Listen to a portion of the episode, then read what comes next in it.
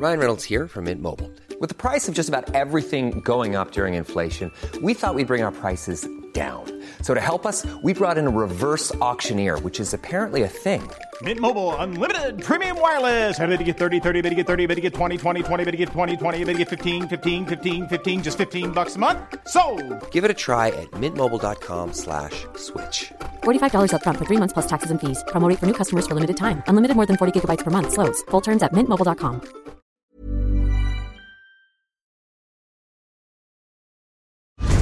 Indians say the curse began in the time of the ancients. Legends of the day of reckoning, when death would consume the land. But where is everyone? The trade party was supposed to return with supplies two months ago. As hard as you try, Like an infection. What the hell's going on, Murph? They're all dead. We're turned into these sieging monsters. Either give in or give up. get ripped through the wall. A bad dog down. Okay, that is not good. Ginger Snaps Unleashed. Ginger.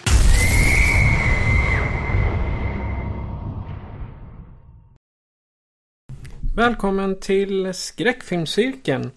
Idag kliver vi djupt ner i mörkret inom oss där vi hittar en djurisk personlighet. Som endast vätskebaserad medicin kan motverka. Sen flyger vi bakåt i tiden och ger oss på mansgrisar, räddar systrar och anammar våran inre varulv.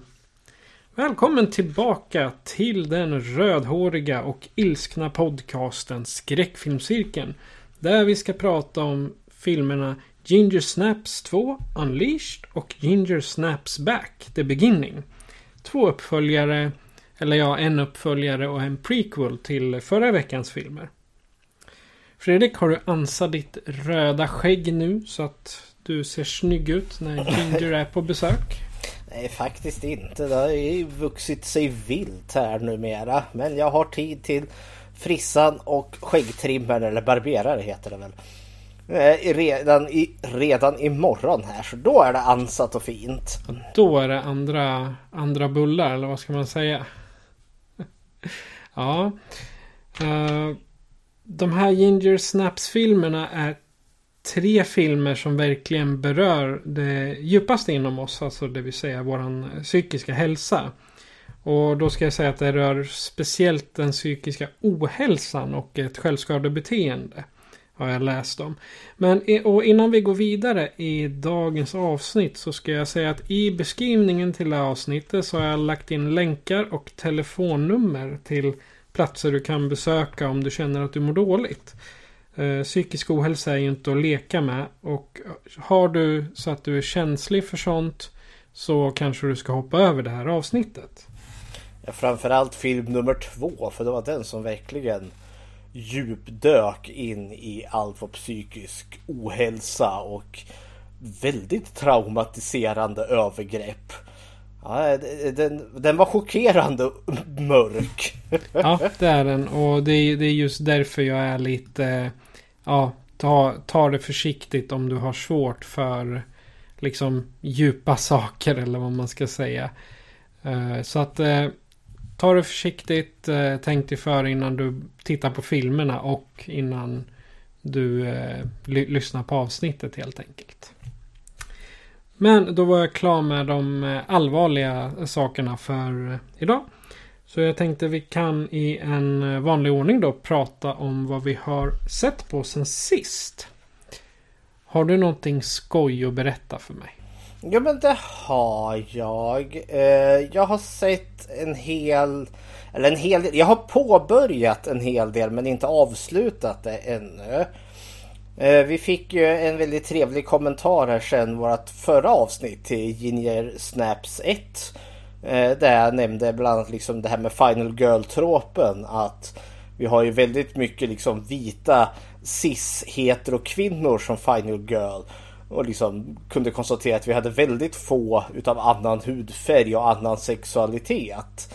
Men då var det ju en, en trevlig lyssnare här som hörde av sig och tipsade om Fear Street trilogin där vi har både en mörkhyad och eh, eh gay karaktär eh, som en final girl.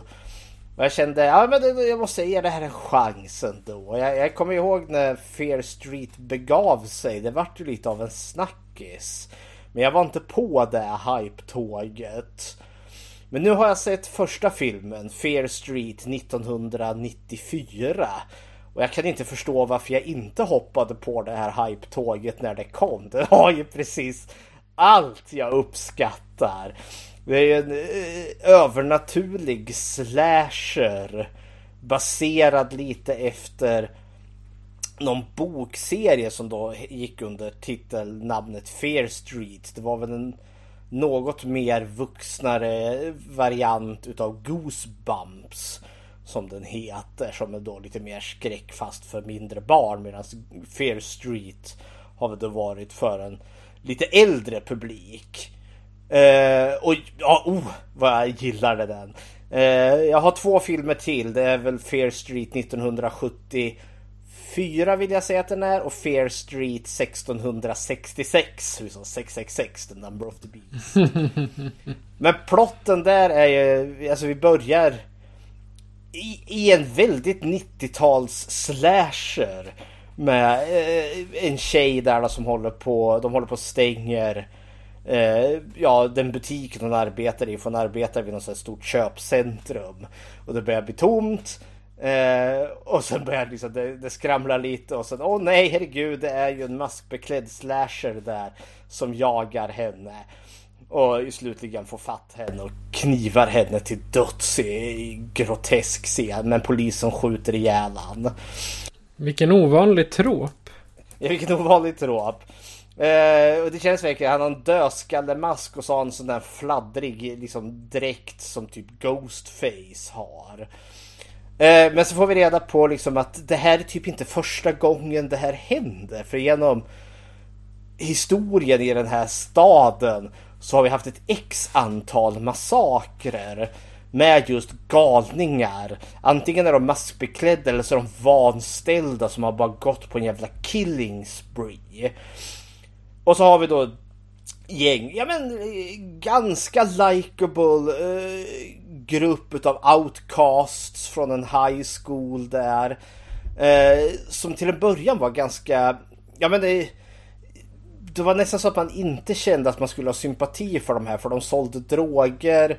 Eh, huvudkaraktären förstår vi, hon har, hon har gått ifrån sin, sin flickvän där.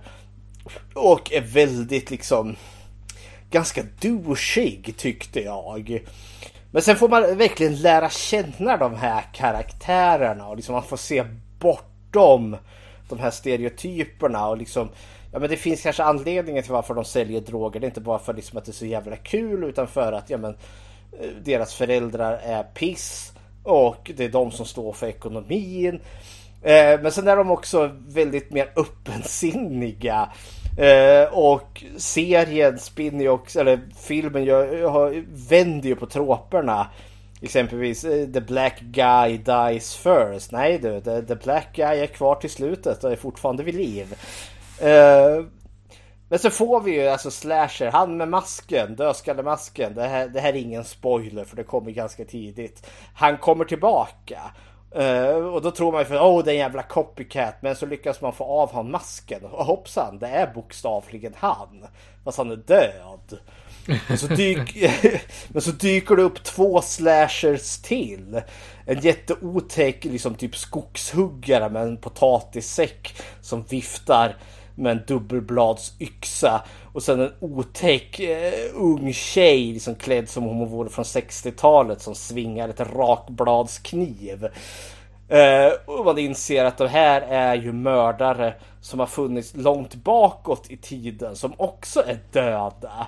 Så varför i hela himmelens namn har de här döda slashermördarna kommit tillbaka och varför är de just inriktade på den här gruppen? För de, de kommer till, mot dem som liksom målsökande missiler.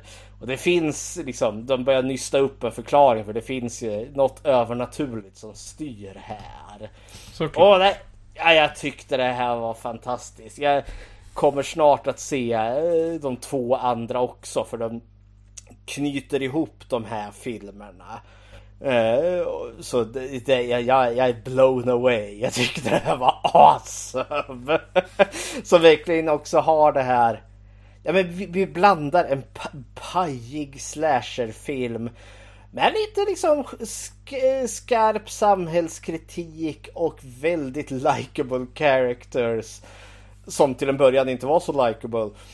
Men också det här, liksom, det här överdrivna slasher-slasket. En karaktär möter sitt öde i en brödskivarmaskin. Där, mörd där mördaren trycker in personens huvud så liksom maskinen bara slicear upp hennes huvud som om det vore limpskivor. Jättegroteskt men jätteroligt samtidigt. Ja, ja. Åh, kära nån. Nej men Fear Street, jag är sen på bollen men jag kan bara vara med på hype-tåget och tycka att det här var, det här var fantastiskt. Eh, sen har jag börjat titta på en eh, annan serie som heter Only Murders in the Building. Finns på Disney Plus. Eh, med Steve Martin. Det var så jäkla länge sedan jag såg honom i något. Men den är lite mer, den är en komedi, en thriller-komedi. Om tre udda par. Steve Martin spelar någon gammal avdankad tv-skådis. Eh, och eh, som då eh, träffar två andra personer. En gammal manusförfattare och sen en ung tjej som håller på att renovera en lägenhet. Och grejen är att de bor liksom i någon sån här jättefräslig New York eh, högskrapa eller höghus heter det väl. Eh, och de inser att de har ett gemensamt intresse. De gillar alla true crime. Så de lyssnar liksom på en true crime podd. Eh, och men så sker det ett mord i en grannlägenhet. En man hittas död där med, med skallen utblåst. Och polisen är helt övertygad om att nej men det här är ett självmord. Men grejen var att alla de där tre de träffade den här mannen strax innan han dog. Och de får inte ihop det till att nej det här kan inte vara ett självmord. De börjar misstänka att det är ett mord. Och så börjar de koka ihop att de ska göra en podd. Eh, om det här mordet, hur de ska lösa det. Eh, men ja, det, det, det, finns ju många twists och turns här så de, de blir indragna i någonting som de kanske inte önskar att de hade kunnat sluppit bli indragna i. Jag har inte sett klart den, men den är väldigt mysig. Så Only Murders in the Building. Den tycker jag var väldigt trevlig. Är det något som du har sett? Nej, faktiskt inte. Jag känner inte ens igen namnet. Så det är väl värt att kolla upp. Ja, men det tycker jag. Det är tio episoder så det är inte så farligt mycket ändå. Nej, det är inte så. Det är sånt man klarar över en helg. Om man, om man inte har mycket att göra vill säga. Nej, det är så mycket serier som far runt så liksom hur fan ska man hinna se allt? Men den här hade fått ganska eh, god kritik och jag varit lite nyfiken på den. Just för att det var Steve Martin i huvudroll, eller en av huvudrollerna. Jag har inte sett han på Jaha. år och dagar. Gjorde han bra ifrån sig då? Ja men det lilla jag har sett tycker jag. För det, det, det är en ganska quirky komedi på det sättet att alla de här tre karaktärerna det är ganska uffiga människor eller iffiga. Det är, de har mycket skelett i garderoben. Uh, och liksom även alla egentligen är väl ganska på dekis. Men det här liksom när de ska starta den här mordpodden. Ja, då, liksom, då väcks livet i er dem igen. Och sen ja, är det inte så jävla enkelt när man har en mördare som springer lös i huset som inte har något större intresse av att tre idioter ska göra en podd om det är mord som mördaren själv försöker komma undan med. ja, kära värld. Annars har jag inte sett så mycket mer än så. Men jag har spelat mycket spel här. Jag har ramlat djupt in i träsket i spelet Dead by Daylight. det har jag hört mycket gott om. Den finns inte till PS4 tyvärr så... Jo då, PS4 finns den till. Ja just det, det är där du spelar. Du har ju PS4. Ja, det började där. Nu har jag en PS5. Men, så den, den finns till PS4. Men Dead by Daylight. Oh, det, det är vansinnigt kul. Uh, det är ju, vad är det? Fyra mot en. Så man är ju fem spelare. Och det är sånt online-spel som man spelar mot andra personer. Och det är en som spelar mördaren. Och det brukar måste vara sådär väldigt klassisk slasher-esk mördare. Eh, och så är det fyra personer som ska överleva. Och överlevarna de ska reparera några generatorer. Vilket tar tid. Men när de gör det då öppnas det liksom som en, en, en utgång som de kan fly. Och så är det upp till mördaren då att förhindra detta från att ske. Eh, och det är förvånansvärt komplext och roligt när man spelar mot andra människor. Eh, och vissa är ju jätteduktiga, vissa är jättedåliga. Jag är någonstans mitt emellan. Jag brukar alltid spela mördaren. För jag är så blyg. Jag törs inte spela Survivor för då måste man prata med de andra spelarna. Och jag är så rädd för toxic eh, spelare som ska liksom göra mitt liv eh, hemskt med att säga fula saker till mig och då blir jag ledsen. Så därför brukar jag spela mördaren för de pratar man aldrig med någon. Men det är väldigt så 50-50. Vissa gånger är jag jätteduktig och verkligen lyckas få ner alla fyra eller tre av fyra, bara en lyckas rymma. Andra gånger blir jag bara superägd. Det känns som att jag bara springer runt i en cirkel och gör inget vettigt och alla lyckas komma undan med livet i behåll. Men, jag tycker det är svina kul. Eh, jag brukar spela Michael Myers för han kan man spela. Eller så brukar jag spela The Plague.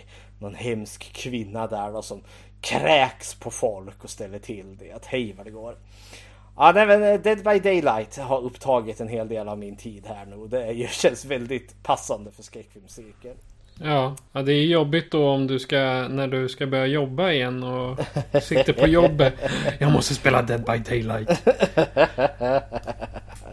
Ja, nu har de, de har olika så, teman och drives hela tiden och nu har de så här Attack on Titan eh, tema eller något sånt där så man kan låsa upp lite skins där. Då. Ja. Så det, det brukar vara vansinnigt kul. Det här ja, som ja. alla, alla barn eh, tömmer sina föräldrars eh, kontokort med. Ja. Ja nej jag är sån där jag tänker inte Jag har redan spenderat pengar på att köpa spelet. Jag har inga, ingen lust liksom att uh, ruinera mig själv på mikrotransaktioner. Så jag är sån där, jag, jag grindar mig framför. Man kan ju grinda till de här poängen men det tar en jävla tid. Ja. Men det är det jag gör.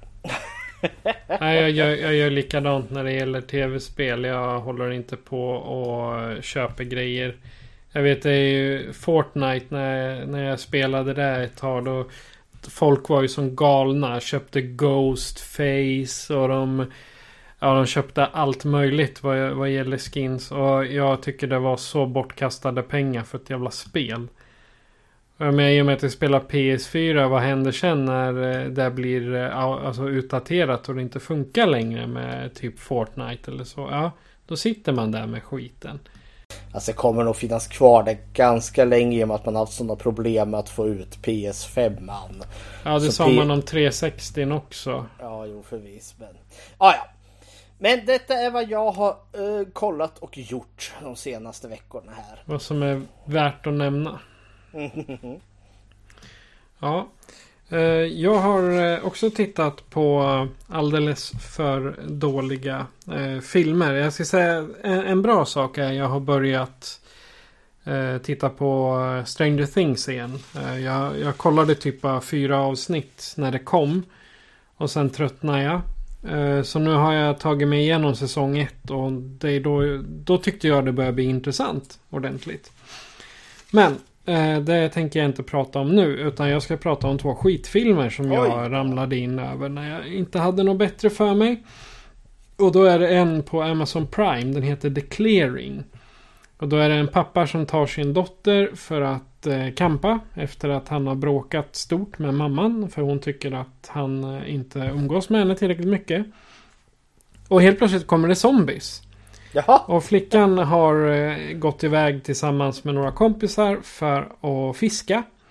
Och sen följer ungefär 50 minuter av hans kamp eh, i och ovanpå en husvagn. Jaha, mot oj. eh, zombies. Och som, som jag kände det var att det här var typ room eh, 1408. Eh, fast med zombies då. och, alltså, Och en husvagn då. Ja, precis. Uppe på en husvagn och i en husvagn. Problemet i den här är att den är så full av hål, den här filmen. Det är liksom, den är, ja, det är saker som inte får någon förklaring. Ja, I stil med typ eh, The 13th Friday. Eh, Den. Saker som bara händer och inte får en förklaring. Eh, Är, det- är det och- samma kvalitet som The 13 Friday liksom gjort på en minimal budget? Nej, det här var ganska hög budget på Ah, den här. ja, ja, det är därför där. jag var lite så här smått eh, missnöjd. Men jag kollar igenom zombiefilmer på de streamingplattformarna jag har och det här var helt klart ett bottennapp. Och sen på HBO Max så kollar jag på en eh, film som heter Like, Share, Follow. Och den tog upp lite det här, den eh, baksidan med att vara influencer. Och då är det en YouTuber, han blir förföljd av ett fan. Och det här fanet är också ett extremt fan. Och då han är ju då, han är Garrett heter han, han är influencer. Han gör eh, sketcher, han gör unboxings, de eh, har talkshows, han är gamer. Och ja, bokstavligt talat, han lever på sin YouTube-kanal. Och i själva... Eh, när han är gamer så finns det möjlighet att snacka med honom för vissa spelare. Och då finns det en som heter Fangirl. Som eh, kör sina de här Oh, hi Gareth. Uh, så här. Och så träffar han någon tjej på postkontoret. Och det går ju så pass bra att eh, de hamnar i säng efter en fest. Och vem är då den här tjejen? Ja, det är The Fangirl. Det är? Fangirl ja. Och det visar sig, eh, nu, den här är, den är ganska ny men jag ska säga i mitten av filmen så får man höra att i en annan stad så är det en kändis som har blivit grovt misshandlad. Eh, kändisens ex-flickvän har blivit mördad. En, eh, en annan eh, fan till den kändisen har blivit mördad. Ja, vad, vem kan det ha varit som har gjort det? Jag misstänker Fangirl. Ja. Men jag, jag säger det här, det är inte en superfilm. Jag skulle säga 5 av 10. Och det är liksom creepy eh, moment med eh, Fangirls eh, långsamma nedåtgående galenskap kan man säga. Så att nackdelen är att han som spelar influensen, han är inte tillräckligt influensig. Och för att vara mera äkta så borde han hålla sig till att vara antingen gamer, talkshower eller göra eh, så här sketcher. Det är min åsikt om honom. Men så ehm, så ligger det till med vad jag har tittat på. Så jag, har, jag bestämde mig efter de här två att jag bingar eh, Stranger Things istället. Och så får jag se. Det är faktiskt tack vare Niklas i podden som fruktade solnedgången. Eh, att eh, han hade börjat titta igen så vart jag lite inspirerad. Jag är sjukt efter i mitt Stranger Thingande. Jag har sett säsong 1 och sen kom jag av mig totalt. Jag vet att vad är det, man säger, fansen säger att säsong två var ett kliv ner, säsong tre var kräftgång.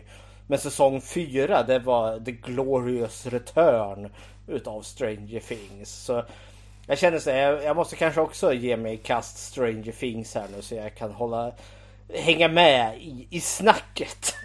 Ja, alltså jag håller inte riktigt med om det här om att säsong två var ett kliv neråt. Jag tycker ju att den, den behövdes för att eh, få, nu, nu ska det inte bli en eh, Stranger Things-podd det här men eh, den behövs för att få att eh, karaktärerna ska få ett steg framåt från att vara de här småungarna till att faktiskt växa upp och bli tonåringar, vilket de är på gränsen till där. Eh, I första, första säsongen. Men så är det. det ehm, förresten har du... Hur, jag, jag vet ju att vi, vi pratar eh, hälsa och så i stort sett varje avsnitt. Du håller på att återhämta dig efter en eh, covid-infektion. Hur har den påverkat dig hittills? Har du lyckats var... återfå?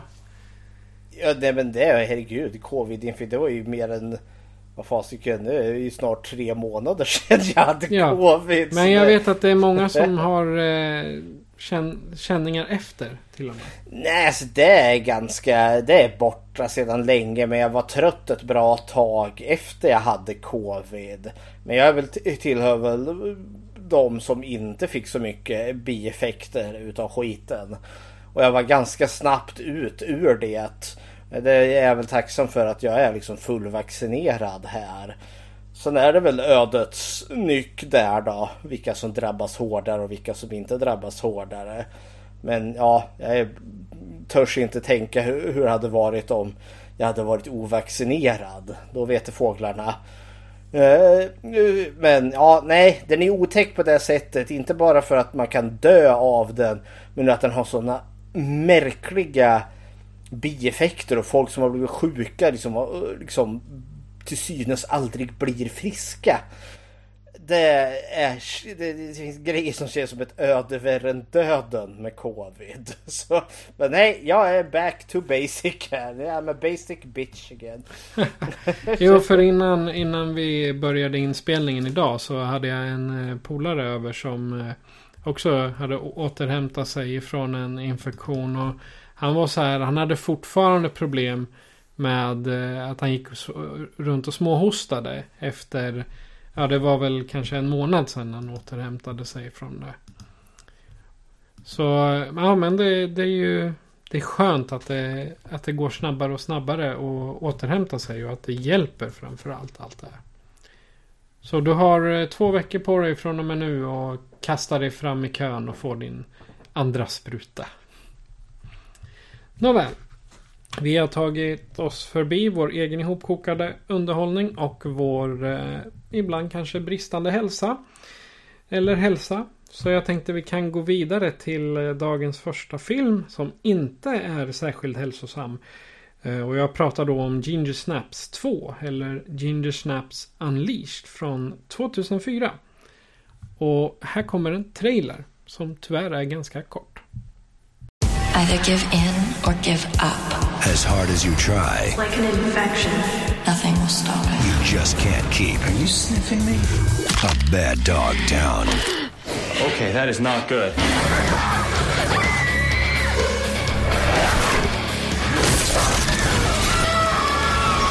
I indulge in the occasional bloodletting myself. Ginger Snaps Unleashed on the most dangerous night of television. Ginger är inte tillbaka. Men det är Brigitte. Och hon kämpar för sitt liv med att hålla varulvsviruset i schack. Hon vaknar på en rehabklinik och blir ifråntagen sin medicin. Sen börjar skräcken. Det är en eh, plott till eh, Ginger Snaps Unleashed från 2004. Jag tänkte Fredrik, du får inleda med dina initiala tankar så att säga. Uh, Ginger Snaps Unleashed. Det var första gången jag har sett den eh, nu. Eh, alltså både tvåan och trean är premiär här. Den första filmen har jag ju sett sedan tidigare. Uh, så jag visste förvånansvärt lite om de här. Jag var nyfiken på den i och med att jag tänker vad ska tvåan ta vägen med tanke på hur första slutade. Eh, I och med att det här är en direkt fortsättning. Men jag tycker det funkade bra. Eh, förvånad över tonen i filmen. Jag vet att första filmen har ju också helt klart en väldigt mörk ton kring sig om två systrar som håller på att glider ifrån varandra. Om också två väldigt udda systrar. Eller eh, systrar vars identitet clashar kanske med det normativa samhället runt omkring dem. Men här, oh. Eh, första filmen har ju ändå så en rejäl dos av ganska mörk humor. Vilket gör att den är liksom är väldigt trivsam att ta sig igenom även sina mörka episoder. Och han är så investerad i systrarna här, Ginger och Bridget. Men den här filmen, här lyser humorn med sin frånvaro. Och det är en mycket, mycket mörkare film. Eh, och det, det fanns grejer som gjorde mig genuint förbannad. Och då menar jag liksom inte förbannad på filmen utan det var karaktärer och händelser i filmen som fick mitt blod att koka. Uh, och det är något positivt för jag är ju ens engagerad i den här filmen. Men oj vad den här var mörk. Uh, och det var inte riktigt vad jag var beredd på. Fortfarande en bra film. Uh, men betydligt mörkare och dystrare än vad jag hade trott. Så det är mina initiala tankar till Ginger Snaps 2 Unleashed. Mm. Jag vill ju fortfarande varna personer som kan ha svårt för eh, visualiseringar av eh, psykisk ohälsa. För det här är alltså en väldigt, väldigt mörk, väldigt mörk film. Men samtidigt så när jag inledde den här filmen då var jag liksom inne på att Ja men eh, Ginger har åter, eh, återkommit från att vara varulv och blir människa. Och hon och Ginger fortsätter med sitt. Men jag tyckte det var bra att det inte blev så. För eh, Bridget får liksom sin egen film nu. Som visar på, ger henne lite rampljus. För det, hon mår ju faktiskt, mår ju som hon mår jämfört med eh, eh hur Ginger gjorde. Hon har, ju, hon har inte liksom varit med om samma saker som henne. Men hon har ändå haft sina bekymmer.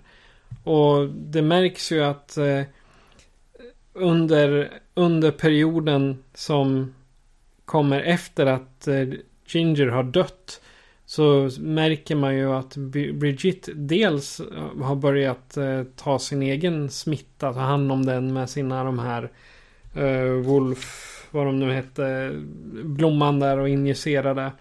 Men samtidigt så har det börjat sätta sig på hennes mentala hälsa. Att liksom, det, det är slitsamt att förlora en släkting. Och särskilt för henne då som hade sin syster som hon var väldigt nära. Det är så jag tänker.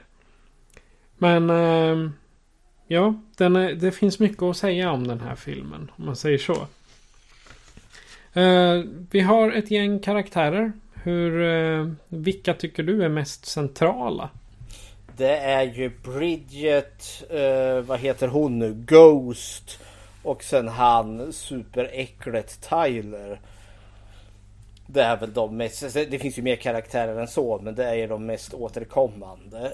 Ja, Jeremy han står som den näst mest förekommande men han är ju långt ifrån. Ja men det, det här är väl, de är väl top billing, alltså de som fick mest ah, alltså betalt. Det. Ja, ah, för, för, eh, för Jeremy Brendan Fletcher eh, noterar jag också är, han stod ju som nummer två efter eh, hon som spelar Bridget. Ja. Eh, och, men han dör ju väldigt snabbt in i filmen.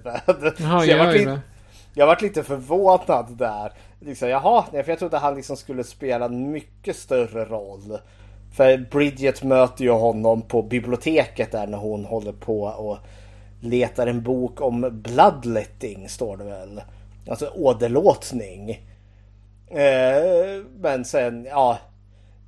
Försöker han, han, han är lite charmig och lite snäll. Eh, och liksom ska hjälpa henne där. Och sen varulv och bara slask. så var det tack och godnatt med han. Liksom, ja, hoppsan. Ja, så, så var det med det. Det var så att jag varit osäker liksom. Var han död? Ska han komma tillbaka i filmens tredje akt som den nya varulven här? Eller nej, nej, han, han var med ungefär sju minuter i filmen. Sen var han ute. Filmens första mord. Det var han det. Ja, och tydligen skulle han ha bra betalt för det så. Ja, men han eh, kan tänka mig liksom att. Eh, nu, nu har inte jag riktigt koll på vem Brendan Fletcher är. Men en kanske lite större eller ett stort namn kanske då i kanadensisk film. Och det kan ju vara som så att han själv ville vara med. För han är ju med i, Ginger Snaps Back också. Då spelar han ju lite större roll. Han dör där också då förstås. Men lite längre in i filmen. ja, vi, vi kommer ju till det sen. Mm. Men... Eh, Ska vi ta... Jag skulle vilja ta Brigitte sist bland karaktärerna. Ja, okej. Okay. Eh, men vi kan väl prata om Ghost kanske. De hänger ju så knä tätt ihop. Vi får ju sätta settingen här. Bridget hamnar ju på något form utav jag vet inte, behandlingshem för unga kvinnor som har något form av drogmissbruk om jag to tolkar det rätt. Ja, hade vi varit eh, i Sverige hade vi kallat det HVB-hem. Ja, eh, och det finns väl liksom kanske det, det, det, finns lite mer logiska luckor i den här plot holes som eh, man behöver liksom försöka fylla in eller bara ignorera. För, för den här filmen är nog den som jag har fått mig att ställa mest frågor till. Men Bridget efter varulvsattacken där. Hon har, ju, hon har ju skjutit upp sig med det här Munks Shade eller vad fan den heter. Det, Wolfshade. Wolfshade eller vad fan den heter. Det som håller varulvsviruset i schack.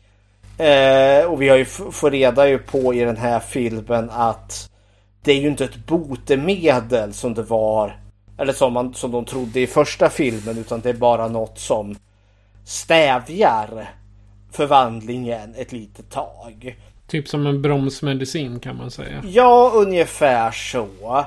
Eh, och nej men, hon efter varuhusattacken där hon har ju precis sprutat upp så hon har tagit en större dos än vanligt så hon är grogg och hon faller i en snödriva och sen nästa gång hon vaknar då är hon inlagd på det här hemmet. Eh, vilket fick mig att tänka okej. Okay. Man har liksom bara liksom gått och hittat henne där så har man inte hittat henne hennes identitetshandlingar antar jag. För hon är ju på, på, på vad heter det, på, på rymmen. Hon är på flykt efter vad som har hänt i första filmen.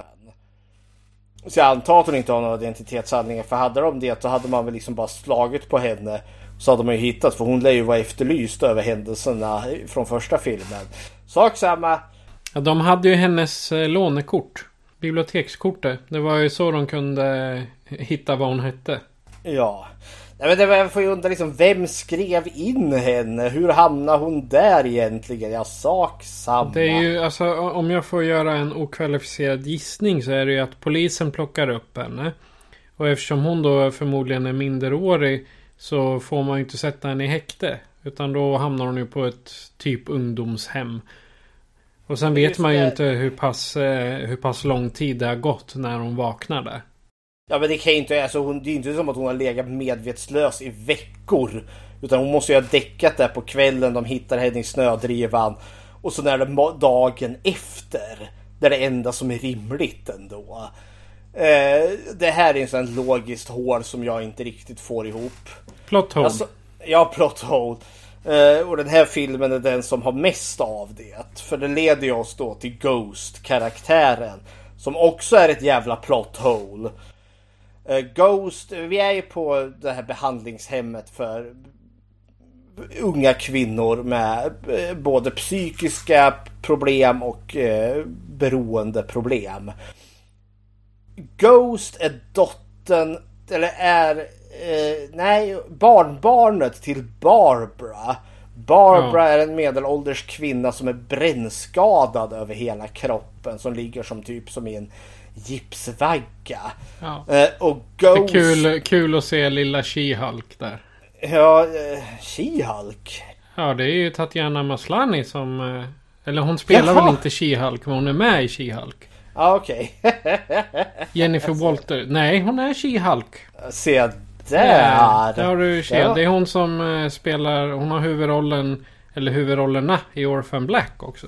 Det, det var inte dåligt. Yep. Hon gör en väldigt bra rollprestation här. Men Ghost, den karaktären. Vi får reda på att Barbara är brännskadad. Och ligger på det här hemmet. Och eh, Ghost Vars riktiga namn vi aldrig får reda på. Men jag antar att hon kallas för Ghost för hon liksom Hon smyger omkring och är precis överallt och i skrymslen och vrål. Hon De har henne där i väntan på att hon ska fosterhemsplaceras. Ja, att SOS ska få tid för henne. Ja, för SOS ska få tid för henne. Okej då. Men vad gör Barbara där? Den här brännskadade kvinnan på en klinik för, för, för unga kvinnor med beroendeproblematik. Frågan är om inte Barbara ligger på grannavdelningen som inte är. Alltså bara för att försöka hitta ett försvar. Det är om Barbara ligger liksom på avdelningen bredvid. Tror... Och sen att Ghost håller på och springer in på den andra. Jag, jag tror inte det för de gör ju aldrig någon distinktion där. Och eh, Ghost sitter ju inne liksom i gästrummet bland alla andra unga tjejer där när de håller på och kastar mynt på henne och jävlas. Eh, så hade hon legat på någon annan avdelning då hade hon kanske låtit bli att vara där hon blev mobbad. tänker jag. Ja men så... hon är ju en, ensamt barn så det är väl dras ju till mobbarna i alla fall. Jag vet inte. Hur gammal kan jag tolka som att den här karaktären ska vara typ 14-15 eller något sånt där. Någonstans där. Ja. Men Ghost, eh, hon är ju liksom den här väldigt udda tjejen. Eh, hon är quirky as all hell och hon pratar vi förstår att hon gillar att läsa serietidningar och hon pratar ibland ungefär som om att som att det är de här liksom eh, berättarrösten i en serietidning som beskriver händelserna runt omkring. Så hon känns ju bra jävla märklig. Så att hon liksom passar in på den här avdelningen utav psykiskt konstiga människor. uh, sen får vi, har vi anledning att återkomma till henne under kategori hotet. För det visar sig att det finns ju en hel del med Ghost som kommer uppenbara sig under filmens lopp. Men det här intressant karaktär tyckte jag. Som både gick från att vara den här quirkiga karaktären eh, till att bli den här märkliga, märkliga. Hon går liksom från att ha det här oskuldsfulla liksom märkliga barnet som jag tyckte lite synd om till när vi får den betydligt mörkare twisten till henne till att bli en ganska ja, avskyvärd karaktär. Men eh, ja, mina tankar kring Ghost där. Vad tyckte du om Ghost? Eh, en psykopat in the making. Eller ah, serie, seriemördare in the making kan jag tycka. Ja, gud ja. Det är där hon kommer, hon kommer eh, åka in på ja, någon form av eh, institution för att ha mördat någon eller så. Men det hintas väl här om att eh, det är hon som har bränt eh, Barbara. Ja men det blir, det, blir, på henne. det blir uppenbart i slutet där. Ja. Då säger hon det mer eller mindre rakt ut att det var hon som gjorde det. Ja. Så, eh, nej men. Men också visst, seriemördare in the making. Men det känns också som att den här karaktären. Med tanke på hur den här filmen slutar. Det kommer gå käpprätt åt helvete. För hon. Hon är inte... Hon är, hon är tillräckligt alltså, organiserad och manipulerande att hon har en plan för saker och ting hon gör. Men hon är inte tillräckligt liksom vettig i sin, i sin galenskap för att kunna kontrollera liksom händelseförloppet. Så jag tror det kommer blåsa tillbaka henne rakt i ansiktet. Jag, jag har så svårt att se att det här liksom kan sluta lyckligt. Framför allt med det hon har planerat att göra det i slutet. Det kommer ju gå käpprätt åt faderulsingen. Så det, hon är liksom en seriemördare eller framtida seriemördare som kommer falla på eget grepp. Definitivt. Nej men hon får vara med lite under hotet också faktiskt. Det har du rätt Ja. Hon är nog får... nästan mera hot än vad själva varulven är där. Men det kommer ja, vi, till. Vi har ju flera hot i den här filmen. Mer än bara varulven och ja, men... Ghost då. Ska vi prata lite om Jeremy då? Nej ja, förlåt, det var, det var inte, inte Jeremy. Uh, Tyler heter han. Tyler. Ja. Eh, det, det, finns ju flera vårdbeträden här och flera andra karaktärer. Men Tyler sticker ju ut för han är ju han tillhör ju också egentligen hotet på någon viss del. Han är ju ett vårdbiträde som nyttjar sin position där. För han är också droghandlaren. Många av de här tjejerna där är ju där på grund utav sitt missbruk. Det nyttjar han. Så han ser ju till liksom att han har sin lilla pillerbox med roliga droger. Eh, som man kan ge till de här tjejerna. För det, alltså sjukhuset är väl ans... Alltså avdelningen är anslutande till en nedlagd del utav sjukhuset. Och där har han någon jävla väg in där han kan ta in de här tjejerna och så får ju de vad heter det, ge honom sexuella tjänster i utbyte mot att han ger dem droger. Eh, I mitt fall, så jag, jag tänker bara säga rakt det, det, vi snackar liksom inte någon form av, ja, någon form av prostitution, men han, han är våldtäktsman. Det, här är jävla... regelrätta övergrepp det här. Det är ju, då pratar, vi pratar ju inte bara om eh, alltså tafsa, utan han tvingar sig, han tvingar ju till sig sex. Han gör ju det. Och det är så jävla äckligt. För det är så, han är ju på Bridget där, för han har ju förstått att hon behöver den här drogen där. Men han säger att han vill ju göra någon deal med henne. Eh, att ja, men han ska administrera det här. Men han ska få välja vart. Så han vill ju liksom att hon ska dra av sig. Så att hon är naken. På, ja, men visa underlivet för honom. Så han kan ge det liksom på, på låret eller i skinkan eller något sånt där. Annars, annars blir det inget. Det är liksom förmodligen lite... i ljumsken han ska ge, Säkert. ge det då. Det är ju det, det är där det syns minst. Ja, ja dels han har ju, alltså han har väl någon Uh, han försöker ju skydda sig själv men man förstår ju också samtidigt det är ju för att han ska få kunna klämma och känna och bara titta om inte annat för att han är ett jävla äckel. Han vill, ja. se, han vill se Bridget naken för att han är ett vidrigt as. Och Tyler fick mitt blod att koka. Fy för den le satan vad jag hatade den här karaktären. Han gör ju nästan att tjejerna mår sämre. Han gör ju det och det är ju också det, det är så jävla okännande på den här vårdavdelningen. Dels har vi ju de andra, alltså vi har ju andra, alltså vi har ju chefen och vi har ju någon psykolog, någon doktor. Och visst, de verkar ju vänvilliga och menar väl. Men de verkar så jävla naiva. De ser ju inte liksom skiten som händer här. Tyler är ju den som ser till att ingen där kommer få någon vettig vård. För visst, de sitter där liksom i gruppterapin och så ska de prata liksom om liksom, och sen när det liksom är stängning då är äcklet Tyler där och antingen liksom förgriper sig på dem eller vad heter det förser dem med droger.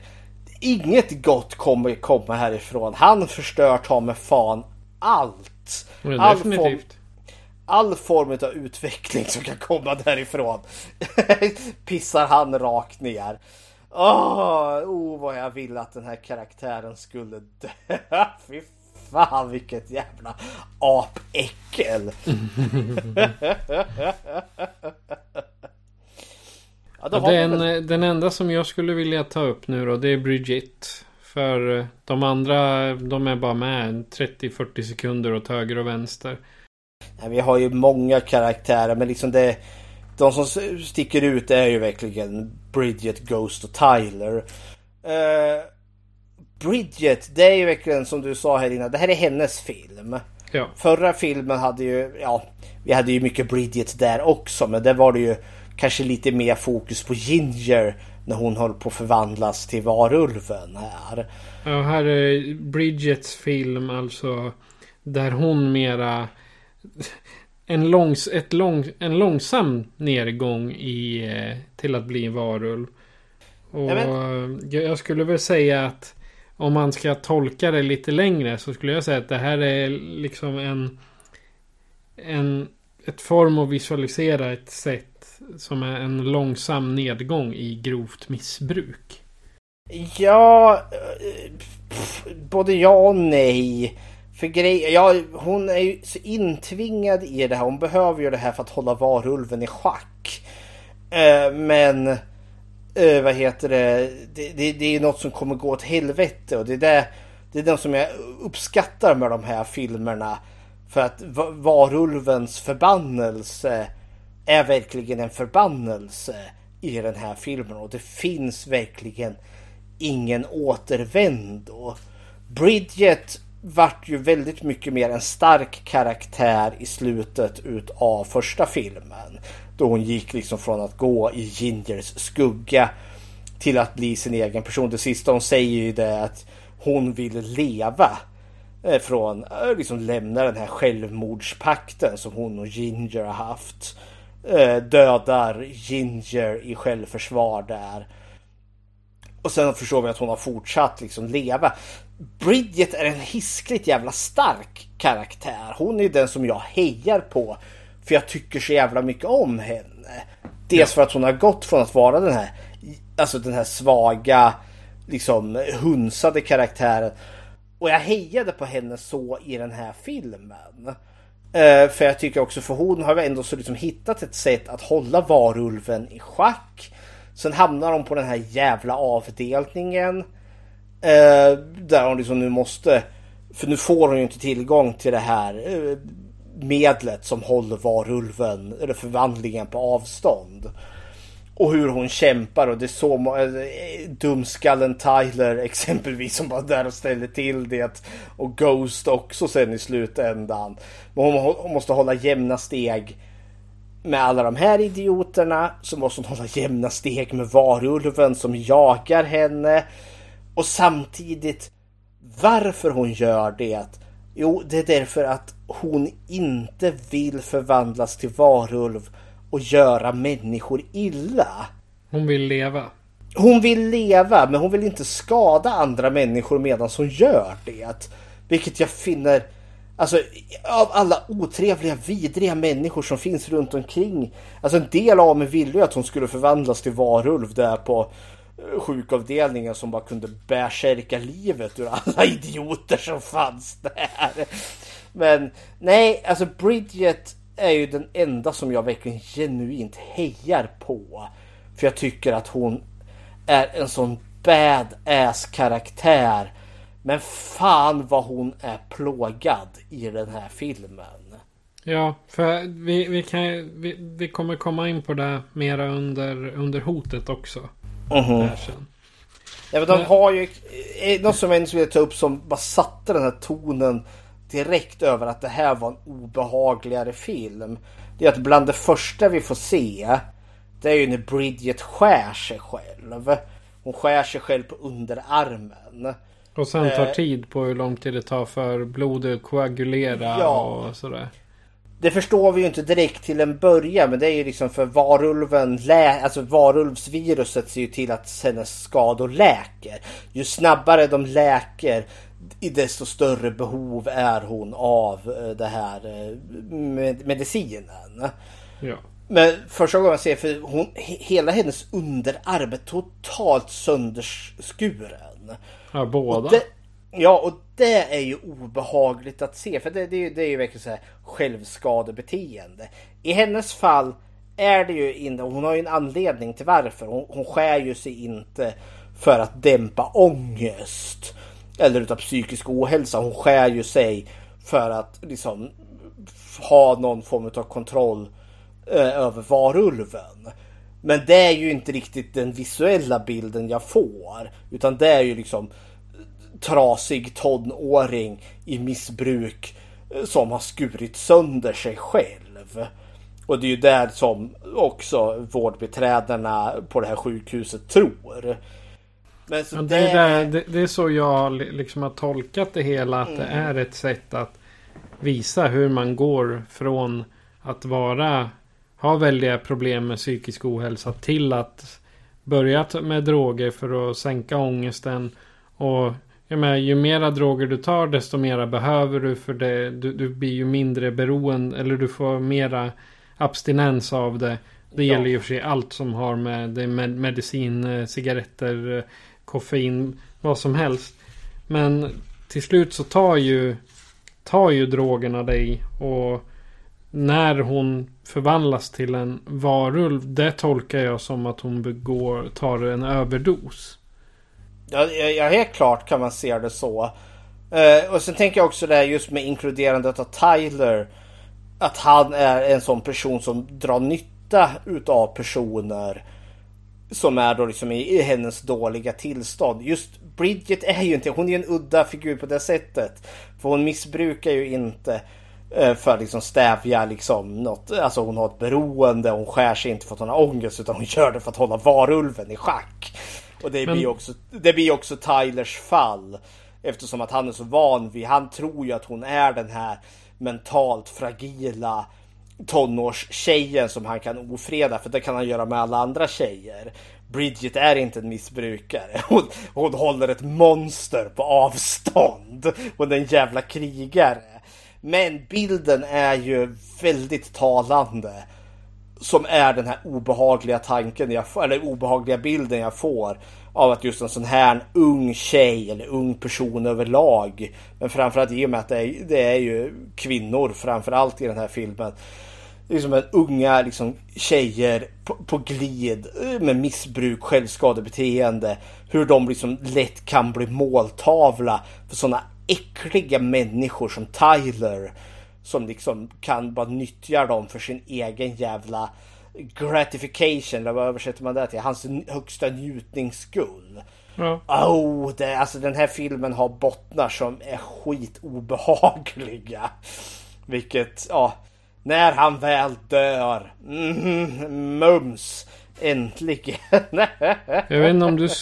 Eller jag, jag reagerar ju på det när hon träffar den här... Eh, det är väl psykologen, den, eh, den mörkhyade där som också har gruppmasturbering. ja, det är Eh. Första hon skriver i blocket är liksom, ja, ah, lesbisk. Det är hennes Ja. första, första eh, tolkning av eh, hon.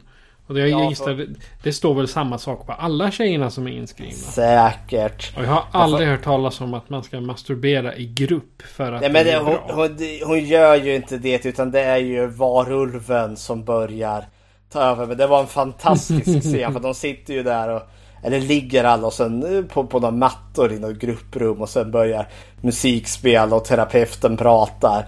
Och sen åker händerna ner i skrevet där då alla liksom tjejer där onanerar i grupp. Men jag förstår ju liksom det, det, är ju, det händer ju inte utan det händer Nej. i Bridgets huvud eftersom att varulven liksom delen av det djuriska i henne får ju hennes lust att driva. Men jag satt och kände liksom Dels för att jag tyckte det var en helt jävla fantastisk scen. Men sen var det en annan del som satt och tänkte Åh gode gud kommer vi få något så att vi klickar tillbaka till verkligheten? Där Bridget ligger och onanerar medan alla andra bara tittar på. Liksom, vad i helvete! Ja, medan alla andra gör yoga. För det var väl typ Ja. de gjorde egentligen. Ja men det var ju en sån avslappningsövning.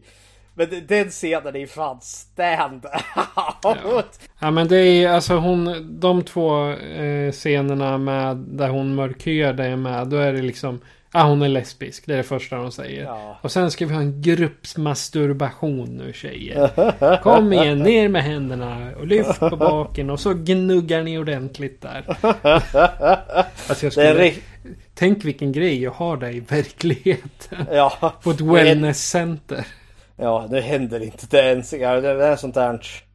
Det finns ju tantrafestivaler eller något sånt där. Det gör det brukar de ha säkert. Sexuell massage eller något sånt där. Ja, Ah, när ja. vi ändå eh, håller på med grupprum och eh, gruppmasturberingar så kan vi ju prata om platsen då. Och min, min första tanke när jag såg att jag vaknade upp där. Det var liksom tillbaka till Nightmare on Elm Street. När Nancy ligger inskriven där. Och tillsammans med andra som har de här eh, problemen. Eller det är väl inte Nancy som är inskriven? Nej, hon, hon kommer ju dit som... eh, Som läkare ja. Eh, Ja, för vad, är hon heter? vad är det hon heter som är inskriven? r- eh, nej, det kommer jag inte ihåg. Men Ja, tjejen där. Ja, Ni- Niklas och Hoff de blir väl eh, sura nu för de har precis gått igenom hela. Eh, ja, i alla fall så får jag samma känsla där. Eh, skillnaden här är att hon har problem med sin varulv och i Elm Street så har de problem med eh, eh, sömnen. Vi är ju liksom i någon form av sjukhusmiljö. Ja, det är ju långa korridorer och sen liksom rum, sjukhussängar eller terapirum. Det är där vi befinner oss. Och sen är vi ju den andra hälften av filmen så är vi ute i Ghost stuga ute i skogen. Eh, så det är väl egentligen de två platserna vi befinner oss på. Sen är det vinter, det uppskattar jag. Jag har alltid tyckt om skräck som utspelar sig i snö. För jag tycker, jag vet inte varför, men snö och skräck, alltså det, det, det går så väldigt bra ihop tycker jag. Ja, ja. Men det är dystra miljöer, alltså det, det är ingen färgglad film. Den är verkligen mörk i, alltså inte bara i tonen utan färgsättningen är mörk också. Allt går liksom, allt är neddämpat på något vis och vänster. Vi har verkligen liksom inget, inget ljus någonstans i den här filmen. Varken i trivsamma karaktärer eller någon form av hoppfullt budskap. Utan allt är mörkt inklusive karaktärerna. Eh, och jag tänker det är en del till varför jag tycker att den här filmen är så jävla dyster i jämförelse med, med första filmen. Men jag, jag gillar settingen ändå och jag gillar också att vi halvvägs genom filmen kommer ifrån sjukhuset och får den här nya settingen i stugan där. Ja, vad, vad är dina tankar om platserna vi befinner oss på? Alltså jag har lyssnat alldeles för mycket på Kaliber i P1. De gjorde ju här för några, ett eller två år sedan en granskning av HVB-hemmen i Sverige. Och precis det som händer här i, eh, med Tyler och att de bråkar och eh, ja, drå, att de får droger även fast de är där för att eh, bli fria från dem. Exakt sånt har ju hänt på HVB-hemmen som jag har eh, fått höra granskningar ifrån. Och jag säger Sverige har säkert jättebra vård för eh, ehm, för personer med olika problem. Men just eh, när jag lyssnade på Kaliber så var det ju de tog upp de värsta av de värsta. Som så. Men jag tycker det sjukhuset är en utmärkt plats för att visa upp hur eh, Eh, Bridget mår egentligen. Den visar ju liksom hennes inre och jag, min känsla är att det blir bara gråare och gråare hela, ju längre filmen går. Där på slutet är det lite blod och sånt men eh, jag tycker ändå, eh, jag tycker som dig att det är just att det är snö och grått ute gör ju filmen mera eh, i en det ger en bättre miljö eller en bättre bättre, bättre känsla för hur, eh, hur hennes inre är. Jag tänker inte så mycket på handlingen som så utan jag är mera inne i att miljön också ger en förstärkt bild av hur hon känner sig inombords. Mm. Ja men det är, det är också den här väldigt bra bild av den här Alltså det här HVB, det här behandlingshemmet som är käpprätt åt helvete. Alltså chefen där, hon ska ju ha sparken. Tyler ska sitta i fängelse. Alltså det här det är ju verkligen det är en skandal utan dess like. Det är ju piss. Det är ju bara en förvaring. Ja, vanvård. Eh, liksom hela, eh, och Ja nej det... Sjukhuset där eller behandlingshemmet är verkligen under all kritik. Och det hade varit det liksom Även om vi inte hade haft en blodtörstig varulv som rusar omkring i korridorerna. ja. Ja, kära någon. Nej men settingen är verkligen grå och hemsk. Vilket förstärker bilden av den här filmen som en grå och hemsk film. Och ja, kanske som du också är inne på med Bridgets nedstigning i förtvivlan. För det är verkligen vad det är. Ja. Men apropå förtvivlan då, då kan vi ju prata om vad som är hotet Mhm. Och jag skulle ju säga att hot nummer ett är eh, Bridgets eh, sak- nedgång till att bli varulv. Och Jajamän. eh, hennes mående. Och hot två är den varulven som jagar efter henne. Som vill Jajamän. para sig med henne. Jajamän, det får vi reda på halvvägs igenom varför varulven. För det är... För det, det är kul, alltså när man gör en uppföljare. Det här är liksom inte en trött kopia utav första filmen. Utan de gör verkligen sin egen här. Och det känns som en ganska logisk fortsättning på första filmen. Och vi får ju en liten utökning utav varulvsmytologin här. Eh, bevisligen finns det inget botemedel mot varulven. Vilket jag uppskattade. Du kan bara skjuta den framåt. Men jag tolkar det också här att när du väl har förvandlats till varulv då förblir du varulv. Du förvandlas aldrig tillbaka till människa igen. Utan du förblir i det här djurmonsterstadiet. Det är inte den här att när fullmånen går upp då blir du varulv. Och sen eh, när månen går ner då är du människa igen. Utan här förblir du varulv. Det är lite som ett eh, typ samma princip som ett zombievirus. Ja, ja men det är, när du väl är zombie då är du zombie. Det finns no turning back. Vilket jag uppskattade. Vilket också, vi får ju ingen förklaring till vem den här varulven är. Men jag antar att det är den här killen Jason tror jag han hette i, första filmen. Hon för, som Ginger har sex med. Han blir ju också smittad då. Eh, och, bevar, och hon testar ju det här liksom. Bridget testar ju den där drogen på han. Och så förvandlas han tillbaka. Men det, han förvandlades ju inte utan det bara stävjades där och då. Så jag tänker att det är han sen som då har förvandlats. Och i och med att han ändå så har någon form av koppling till Bridget så är det han som kommer efter. Men det kan ju bara vara en random varulv också som har liksom fått upp spåret efter henne och kommer efter henne. Eh, jag känner att den varulven mer blir ett större hot kanske halvvägs in i filmen. Den blir ett större hot när de har tagit sig ut ur eh, själva vårdavdelningen. Ja, eh, för det är ju inte så mycket att varulven är inne i sjukhus. Han är ju den här nedlagda delen och när de ska fly då får de ju problem med varulven där. Eh, Men innan är det ju verkligen liksom Bridget som är fast på den här vårdavdelningen. Eh, Och eh, liksom måste liksom försöka förhindra det som komma skall med förvandlingen. Vilket är, och det är hemskt, liksom när hon börjar få spetsiga, eh, alltså eh, vargöron. Så med hjälp av ett trasigt glas så skär hon av liksom den här spetsiga biten. Det är så hemskt, åh jag tycker så synd om det. Och så och hon spolar ner alla så här, de här köttbitarna i, i toaletten. Det är liksom så, åh shit vad Bridget får slita här. Mm, mm, mm. Bo- borsta tänderna med en, eh, en fil. Ja, det för att liksom fila ner huggtänderna så de håller på att växa ut här. Då undrar man hur länge hon får stå och jobba med det.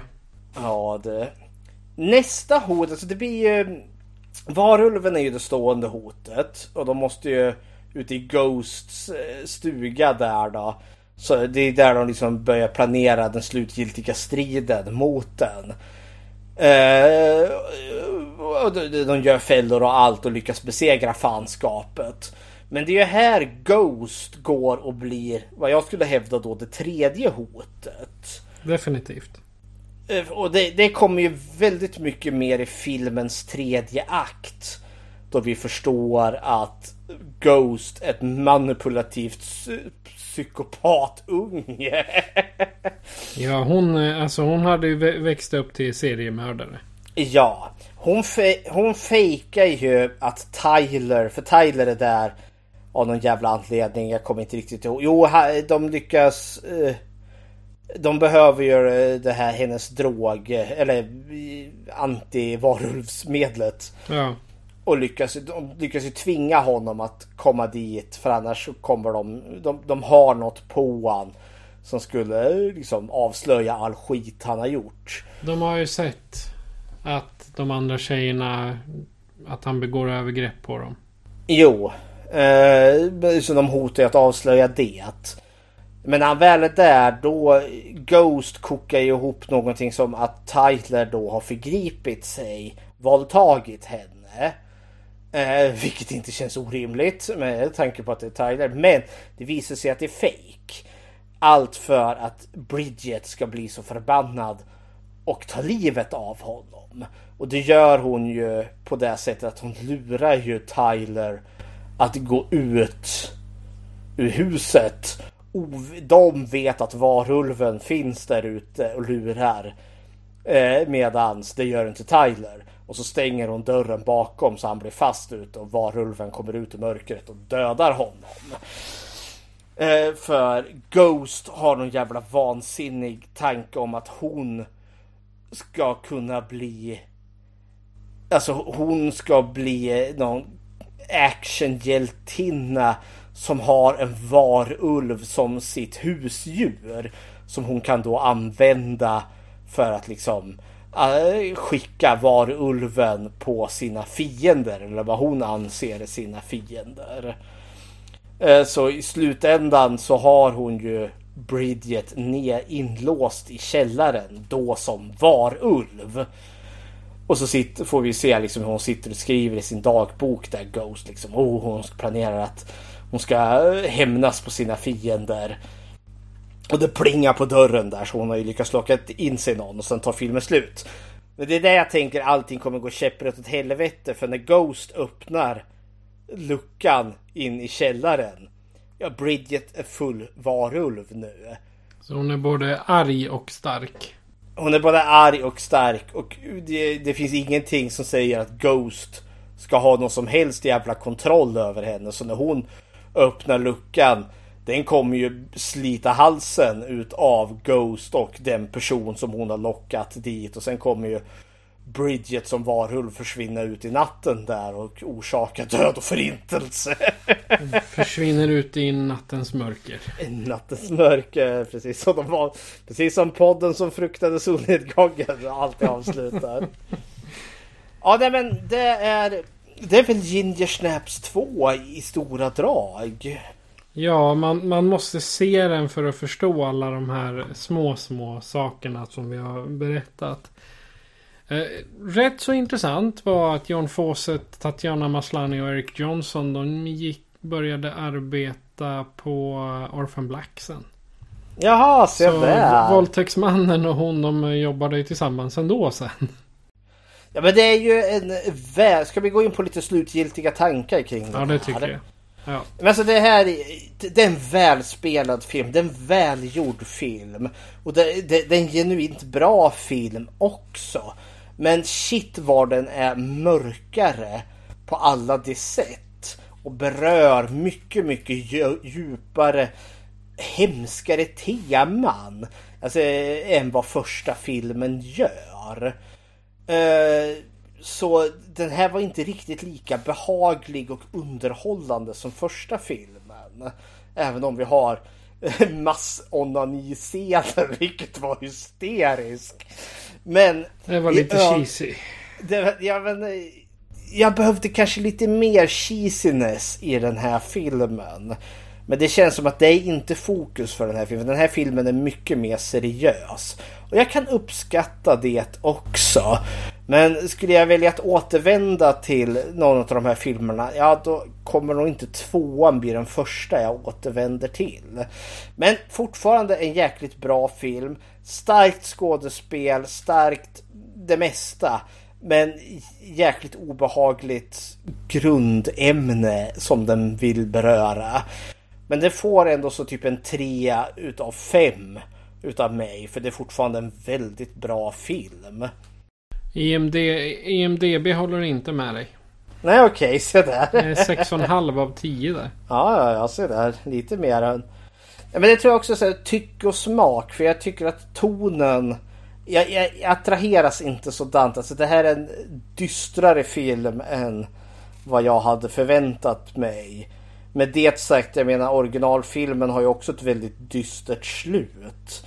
Men det är mer bitterljuvt. Medan tvåan är mest bara bitter. Vad är dina sluttankar kring Ginger Snaps 2? Uh, eh, mina sluttankar kring Ginger Snaps 2. Det är en hemsk film. Väldigt deppig. Och man, eh, om man då ska se den så är det bra att ha en double bill och titta på någon komedi efter. Eller en slasherfilm, liten cheesy. För eh, om du bara tittar på den här och sen går iväg, då är du bara ledsen. För den, den är så, så mörk den här filmen. Så att, men jag gillar deras eh, sätt att visa hennes ned, sakta nedåtgång. För i ettan så var det ju verkligen att det, det sa bara slaff slaff jämfört med den här för uh, Ginger att bli varulv. Uh, Birgit det är ju verkligen att hon har lyckats stävja det relativt bra med hjälp av de här uh, sprutorna hon tar. Men sen blir hon ifråntagen dem och då får hon ju liksom det här. Hon känner att hon är typ på väg in och blir varulv. Det är ju att ja, hon, eh, hon, får, hon får nästan abstinensbesvär. Det är det man ser. Så det är ju... Nej, jag, jag gillar den här för att den just visar på hur enkelt det är att trilla dit och hur hur man kommer ur det så att säga. Och hon kommer ju inte ur det. Hon, hon dör ju. Av, eh, eller dör. Hon blir... Hon blir, hon blir varulv. varulv. Och hon lär väl dö någon gång. Eller så går hon en rampage och eh, fler varulvar. Som i sin tur gör ännu fler varulvar. Men ett eh, Bechteltest på den här. Ja då, om kvinnlig representation i, i film. Och vi för ju tesen att skräckfilm är den som fyller det här bäst. Eh, fråga nummer ett. Eh, finns det eh, två eller fler namngivna kvinnliga karaktärer? Ja, gud ja. Vi har Bridget, vi har Ginger. Hon dyker upp som ett spöke eller som någon form av eh, minne till Bridget med jämna mellanrum. Vi har Ghost, vi har Barbara. Eh, vi har Eleanor, en utav, eh, det är hon som är terapeuten. Hon den här mörkhyade kvinnan. Hon är terapeuten. Ja, onaniterapeuten ja. Vi har Winnie, en av eh, de intagna. Vi har Alice som är huvudläkaren där. Så ja, fråga nummer ett klarar den. Fråga nummer två, möter de här karaktärerna någonsin varandra? Ja, samtliga karaktärer möter varandra. Och fråga nummer tre, om de gör det, pratar om någonting annat än män. Ja, då kan vi ju ta onaniscenen som ett bra exempel. Det är i stort sett alla kvinnliga karaktärer eh, liksom pratar med varandra och liksom i det här drömska tillståndet liksom när de pratar om onani där. Ja, för enligt eh, hon eh, enligt den terapeuten då så är ju alla lesbiska så de kan ju tänka på varandra. Ungefär sådär. Nej men det är mycket dialoger kvinnor sinsemellan och exempelvis som Bridget hon pratar ju om Ginger och Ghost pratar mycket om Barbara och sådana saker. Så nej, eh, Ginger Snaps 2 klarar Bechteltestet lekande lätt. Ser gott! Mm -hmm. Då så, då tycker jag vi hoppar in i en tidsmaskin och rör oss bakåt i tiden och ut i skogen för att se filmen Ginger Snaps Back. Eller Ginger Snaps 3 The Beginning. Och även den från 2004 eftersom de här två filmades back-to-back -back, helt enkelt. Här kommer en trailer. Indians say the curse began in the time of the ancients. Legends of the day of reckoning, when death would consume the land. But where is everyone? The trade party was supposed to return with supplies two months ago. The hell's going on, Murph? They're all dead. We're turned into these sieging monsters. There's one inside. It ripped through the wall. Hello?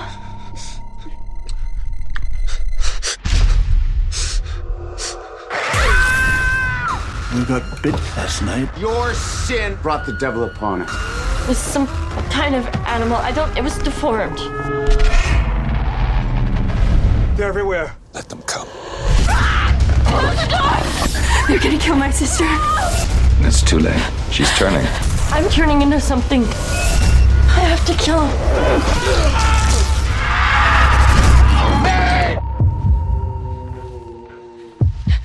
Ginger! Ginger!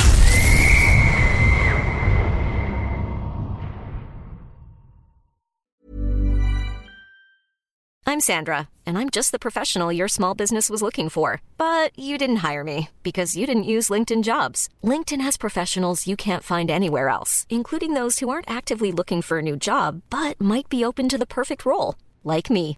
In a given month, over 70% of LinkedIn users don't visit other leading job sites. So if you're not looking on LinkedIn, you'll miss out on great candidates like Sandra. Start hiring professionals like a professional. Post your free job on linkedin.com/people today. Hey there, it's Michelle Norris. I'm host of a podcast called Your Mama's Kitchen. When I travel, I'm usually looking for a way to find a taste of home when I'm not at home. And one of the things I love to do when I am at home is entertain. And Airbnb allows me to do that. When I was in California recently, I rented a house that had a great kitchen. And when we were sitting around the table, we we're all thinking, we're in someone else's house. Someone could be in all of our homes as well. If you have a home, but you're not always at home, you have an Airbnb. Your home might be worth more than you think. Find out how much at airbnb.com/slash host. Ginger Fitzgerald och hennes syster Brigitte reser flera mil genom mörk vildmark innan de till slut finner tillflykt på en avlägsen handelsstation som snart blir ansatt av en flock varulvar. Det är plotten till Ginger Snaps 3 The Beginning eller Ginger Snaps Back The Beginning. Så Fredrik, vad har du för initiala tankar till denna Den här... Eh, det här är också så här första gången jag har sett eh, den här filmen. Och den här, men jag har känt till dem sedan tidigare. Och den här filmen är väl den som jag har haft mest höjt ögonbryn till. Liksom, jaha, Ginger Snaps Back the Prequel. När de är liksom på 1800-talet. Det kändes så udda. Liksom att eh, när man går från de andra filmerna som bara skuttar 200 år bakåt i tiden. Så den här var väl den som jag trodde liksom, det här kommer vara den som är sämst i serien.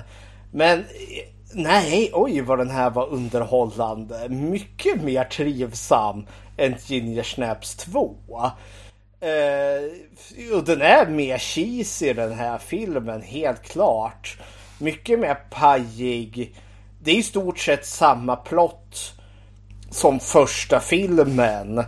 Fast här är det mer liksom fokus på systrarnas kamp för deras överlevnad. Uh, och uh, det, det, är inte riktigt samma syskondynamik som i första filmen. Där Bridget bara är en skugga till, till Ginger och måste påbörja sin befrielseprocess mot henne. Utan här är de verkligen mycket mer tajta.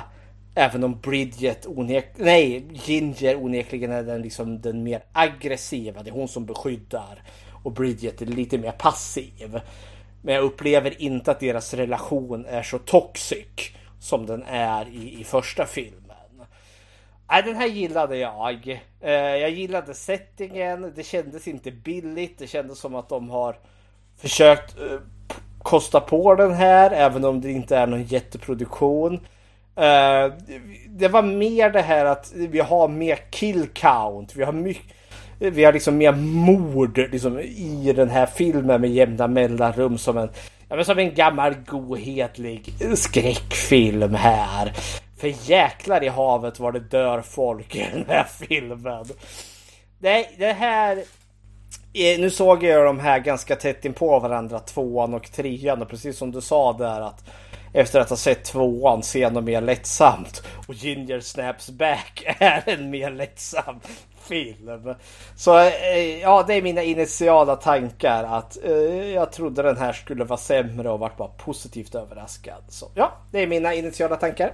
Jag, jag tycker precis som dig att det är en mycket lättsammare film än tvåan. Och liksom, om man ser dem efter varandra så skulle jag säga att den här är riktigt cheesy. Eh, och eh, lättsmält om man jämför med både ettan och tvåan. Och det är ungefär som att, alltså man ser den här eh, prequelen då. det är ungefär som att se första filmen igen fast i en 1800-talssetting. Eh, då tänker jag på typ kvinnosynen och hur eh, de männen de, eh, de, de ger sig ut och ska rädda kvinnorna eller skydda dem mot exempelvis varulven då. Uh, och sen de ska väl till att bränna Ginger tror jag också vid ett tillfälle. Men jag tycker den, den passar 1800-talet. De har lagt en relativt uh, korrekt uh, hur folk betedde sig och tro och så. Annars så är det här i stort sett den första filmen fast utspelar sig på 1800-talet. Ja, äh, återigen, vi har snö igen. Men det är faktiskt eh, väldigt bra. Ja, jag tycker om det. det. Det finns en plottpoäng med det. Jag tänker vi tar platsen direkt innan vi hoppar in på karaktärerna här. Det kan vi göra. Vi, vi befinner oss ju 1815. Eh, och vi är liksom i den kanadensiska vildmarken. Och vi kommer till något som heter Fort Bailey.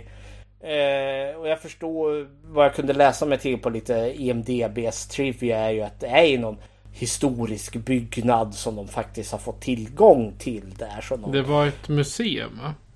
Till och med det. Ja. Om, om, jag, om jag inte har helt fel.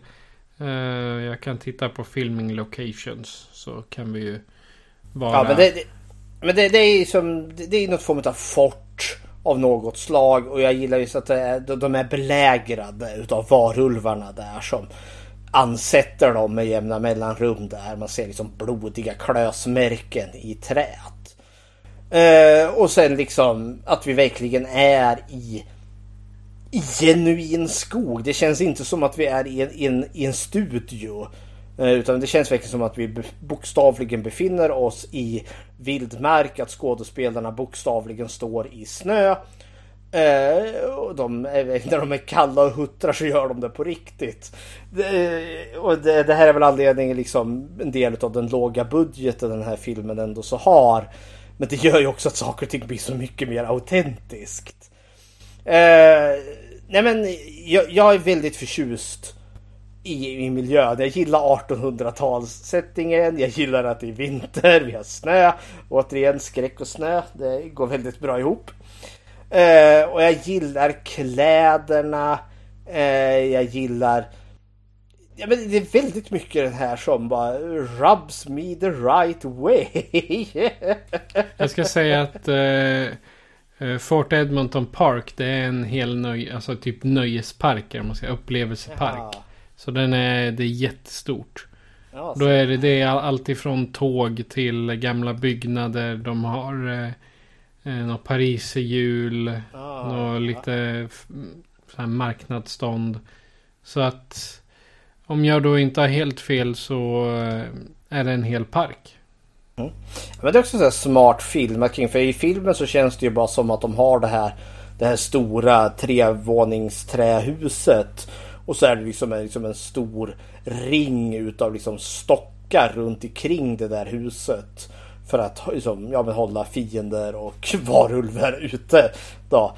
Som känns som ett gammalt militärfort av något slag. Och det funkar eh, för mig. Mordet på Jesse James av ynkryggen Robert Ford. Det är någon mm. kriminalfilm. Den spelades också in där. Ja, ja, med Brad Pitt där. Ja, Ja, sådär. Ja, men det är väl en historisk byggnad i sig, tror jag. Ja, det är en historisk park hela alltihopa. Den är jättestor. Det är allt ifrån gamla bussar till eh, just den där eh, stora gården. Nej men de har fått till det också för det är verkligen så stampat jordgolv och det känns verkligen vinpinat och kallt. Som när de är i doktorns stuga där. Jag kan verkligen känna liksom hur vinden piner in genom alla de små hål och öppningar som inte har blivit tätade i det, i det där liksom. Och det, det känns som att det finns en utsatthet med att de Ja men det, det är blött, det är kallt, det är fuktigt, de har inte mat. Eh, de, de har dåligt med sömn eftersom att varulvarna är på dem varje natt där och beter mm. sig. Nej men eh, det här funkar väldigt väl. De är ute i skogen också, nära vildmarken. Och de är verkligen i den här i ingenmansland. land. Eh, det är också något som gör skräck mycket mer effektiv. Den här känslan av isolering. För de är ju liksom, de är ju, tryggheten finns ju innanför de här murarna. För man kan ju inte gå ut för då kommer varulvarna och dödar dig. Liksom, du, du, du har inte ens möjligheten att försöka fly. För visst, du kanske hinner få någon halv dag, men de där varulvarna de hinner ju lukta fatt dig och ta ihjäl dig. För alltså, du, de är så mycket snabbare och bättre. Eh, men det är också en risk liksom. Dels så har du ju gruppen i sig som liksom in, eh, folk håller ju på att krackelerar utav sitt eget vansinne där inne. Plus också att maten håller på att ta slut. Så jag menar, det är hot från alla jävla håll och kanter. Eh, och är liksom, det finns ingen väg ut. Så isoleringen, platsen, allt. Ja, nej. Jag tycker det är spot on i den här filmen. Har du några tankar kring liksom platsen och miljön vi befinner oss i? Eh, ja, det har jag ju, men eh, du har sagt ganska mycket av ja. dem. men det är, alltså jag tycker om, eh, jag, jag, gillar också det här att de använder autentiska, a, alltså autentiska platser för, för det här. Liksom det är inte, det är inte byggt i en studio. Jag tänker som eh, Ta exempelvis eh, Fönster mot gården där de var tvungna att montera ner en hel jävla studio bara för att kunna göra den. Här har de inte gjort det utan de har åkt till ett, en faktisk plats och filmat on spot. Liksom. Jag tror att skogen är i... Eh, skogen är filmad för sig. Den är inte filmad på just skogen utanför där. Utan det är någon annan skog i Edmonton. Men eh, jag skulle ju säga det att ja, det här är... Om man jämför med Ginger Snaps 1 och 2 så är det här den mest lyckade vad gäller miljö, eh, miljöskapandet. Alltså, det är bara, bara hur miljön är upplagd ger filmen sin lilla färg. Ja men det, det här är också den mest, den mest färgrika utav filmerna. För film nummer ett när vi är i, i Suburbia i medelklassområdet eh, där. Där har de ju medvetet lagt en liten alltså en, eh, typ brunt filter över för just som att de ska porträttera eh, det tråkiga i, i vardagen. Ginger Snaps 2 är en mörk och dyster film. Den är verkligen helt svart alltså. Ja men den, den är det och liksom hela sin färgton och allt. Medan Ginger Snaps Back är mycket mer färgglad. Vi har liksom mycket mer ljus. Vi har solljus och vi har liksom de här träbyggnaderna i det här ljusa träden. Vi har liksom mer, liksom, vi har mer blod i den här filmen. Så vi har liksom det här rött, röda blodet mot den vita snön och sådana saker. Och vi har soldaternas kläder, de här liksom eh, ja, det är liksom de här blåa uniformerna de har och sådana saker. Och liksom allt är ju också dessutom gjort i praktiskt. Det enda ja. som tydligen var CGI det är när den här karaktären Hunter kastar den här Tomahawk-yxan i huvudet på en varulv. Det var det enda som var CGI i den här filmen. Ja, det, det är där jag tycker så mycket om med den här filmen. Att det är 99% praktiska effekter. Men det var nog samma, det har nog varit överhuvudtaget i de här filmerna att det har varit eh, praktiskt, praktiska effekter och allting. Jag tror inte, det var väl någon enstaka bara som var CGI. Ja, det, det, det var ju något som har varit återkommande i de här filmerna att de skulle ha så mycket praktiskt. Sen, det är gjort så tidigt 2000-tal. Jag menar CGI var inte liksom på det bästa då som det är nu. Så jag är glad att, de, att vi inte har CGI-varulvar utan vi har ju praktiska. För en CGI-varulv 2004 i en lågbudgetfilm. Nej, det skulle inte se bra ut. Mycket bättre då med animatroniska dockor som de är i den här filmen. Ja.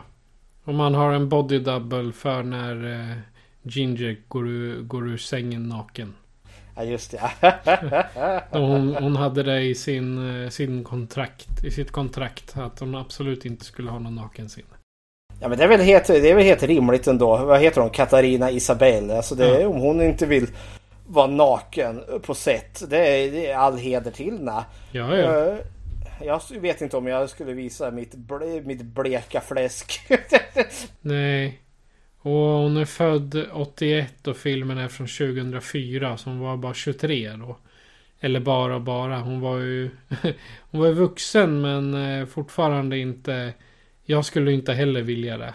det jag, tror inte någon, jag tror inte heller någon annan skulle vilja se mig naken heller. Nej herregud. Då, då, då, går filmen i konkurs innan liksom. Det är risken. Men, det, men då har vi väl en liten segway in till våra karaktärer här. För nu har vi ju både Ginger och Bridget tillbaka. I stort vid liv. Sett, vid liv. I stort sett liksom sin, återupprepar sina roller som i första filmen fast nu som deras anfäder eller andmödrar eller vad säger man? Förfäder. Ja. Eh, till släkten Fitzgerald här. Eh, vad, vad tyckte du om syskonskaran Ginger och Bridget i den här filmen? Eh, jag tycker man kan slå ihop dem. För eh, i den här filmen så funkar de precis likadant som i första filmen. De har Skillnaden här är väl att de inte är eh, i en självmordspakt eller tar, själv, eh, tar mordfoton liksom så. Men eh, det jag tycker om med dem i den här det är att det är ständigt uh, Alltså man hörde i slutet på, på trailern här Ginger! Ginger! Det är det enda Bridget ropar när hon har försvunnit. Och Ginger säger samma sak och ropar efter Bridget när de inte är tillsammans. Ja, för det är ju... Alltså det är en eh, rolig kontrast till första filmen. För jag tänker säga att det är samma liksom, syskonkonstellation som i den filmen. Men där är deras också relation destruktiv. Den är fokus på att de ska ta livet av sig. Liksom deras liv ska ta slut. Eh, Medan i den här filmen så är deras fokus på överlevnad. De här, här karaktärerna... är inte destruktiv. Nej, och de liksom strider för varandra. Uh, när Ginger, det är också något jag uppskattar. Vi har mycket mer av Catherine Isabelle här som Ginger. Och i den här filmen så är ju inte hon skurken. Alltså hon är ju en del utav hotet men inte på samma sätt som hon var i, i första filmen. Där hon liksom verkligen blir, hon blir ju liksom Eh, antagonisten i den filmen. Här är hon ju faktiskt kämpande. Eh, I, I första filmen så är det ju Bridget som försöker rädda Ginger från att bli varulv. I den här filmen så försöker ju faktiskt Ginger förhindra det här. Hon spelar mycket mer aktiv roll i att förhindra att hon ska bli varulv än vad hon gör i första filmen. För i första filmen så anammar hon ju det. Att hon, hon gillar ju det hon blir. Eh, Medan i den här så försöker hon ju faktiskt aktivt förhindra att bli en varulv. Så hon är ju mycket mer sympatisk i den här filmen. På ett sådant sätt att jag tänker säga att hon inte är antagonisten i den här filmen. Nej, hon blir ju bara varulv för att just för att de är eh, omringade av varulvar och hon har oturen att hamna i vägen för en. Ja. Eh, och det introduceras ju också att det finns någon jävla profetia här. Eh, för de möter ju liksom någon mystisk kvinna där då. Som är amerikansk urinvånare. Eh, och hon levererar ju någon jävla profetia som de har. Att de här då, att nu är de i någon form av vägskäl. Att liksom antingen eh, så kommer eh, förbannelsen nå sitt slut här. Eller så kommer förbannelsen bli bara värre. Och grejen är då att då den ena systern ska döda den andra. Och det blir uppenbart liksom att det är Bridget som ska döda Ginger. Hon säger innan det så säger hon ju kill the boy. Kill the boy. Vi har ju det som spinner liksom på uh, Kill the boy or, uh, or one sister will kill the other sister. Så det är ju det som blir den springande punkten för, för Ginger. För hon ska ju, för grejen är att det här fortet de kommer till, befälhavaren, vad heter han, Mr Rowlands. Eh, hans son får vi ju reda på har, är den som har blivit smittad. Han har blivit biten. Men han har ljugit för sina män och håller, eh, sagt att hans son är död. Men eh, han håller honom gömd i källaren för han håller på att förvandlas. Eh, Ginger när hon är uppe någon sen kväll där hör att någon som gråter och går ner och hittar den här pojken. Och eftersom att hon är en människa tycker hon att det är förfärligt att någon som att det sitter ett barn inlåst där, öppnar och vill höra hur, eh, vad händer här? Men han är ju delvis varulv så vänder han sig om och biter henne. Ah! Och, då, och då börjar ju liksom hennes förvandling. Och då har hon ju det där att hon, hon måste döda pojken. För då hävs förbannelsen. Eh, och hon, har gett, hon får ju den möjligheten också. Och det är också en del så, varför man har liksom, alltså för hon är så mycket mer behaglig eller trivsam i den här filmen. För hon träffar ju pojkens mamma är ju död. Och pojken efter att han har rymt där senare i filmen. Eh, hon söker upp honom och förstår att han kommer vara vid, vid graven. För han känner ju doften av sin mamma. Och där eh, sitter han ju liksom. Delvis har han väl grävt upp henne. Och han kan, hon kan möta honom. Eh, för att hon är också delvis varulv nu så de känner väl varandra lite där. Och hon pratar ju lite, ja men hon är ju väldigt trösterik liksom.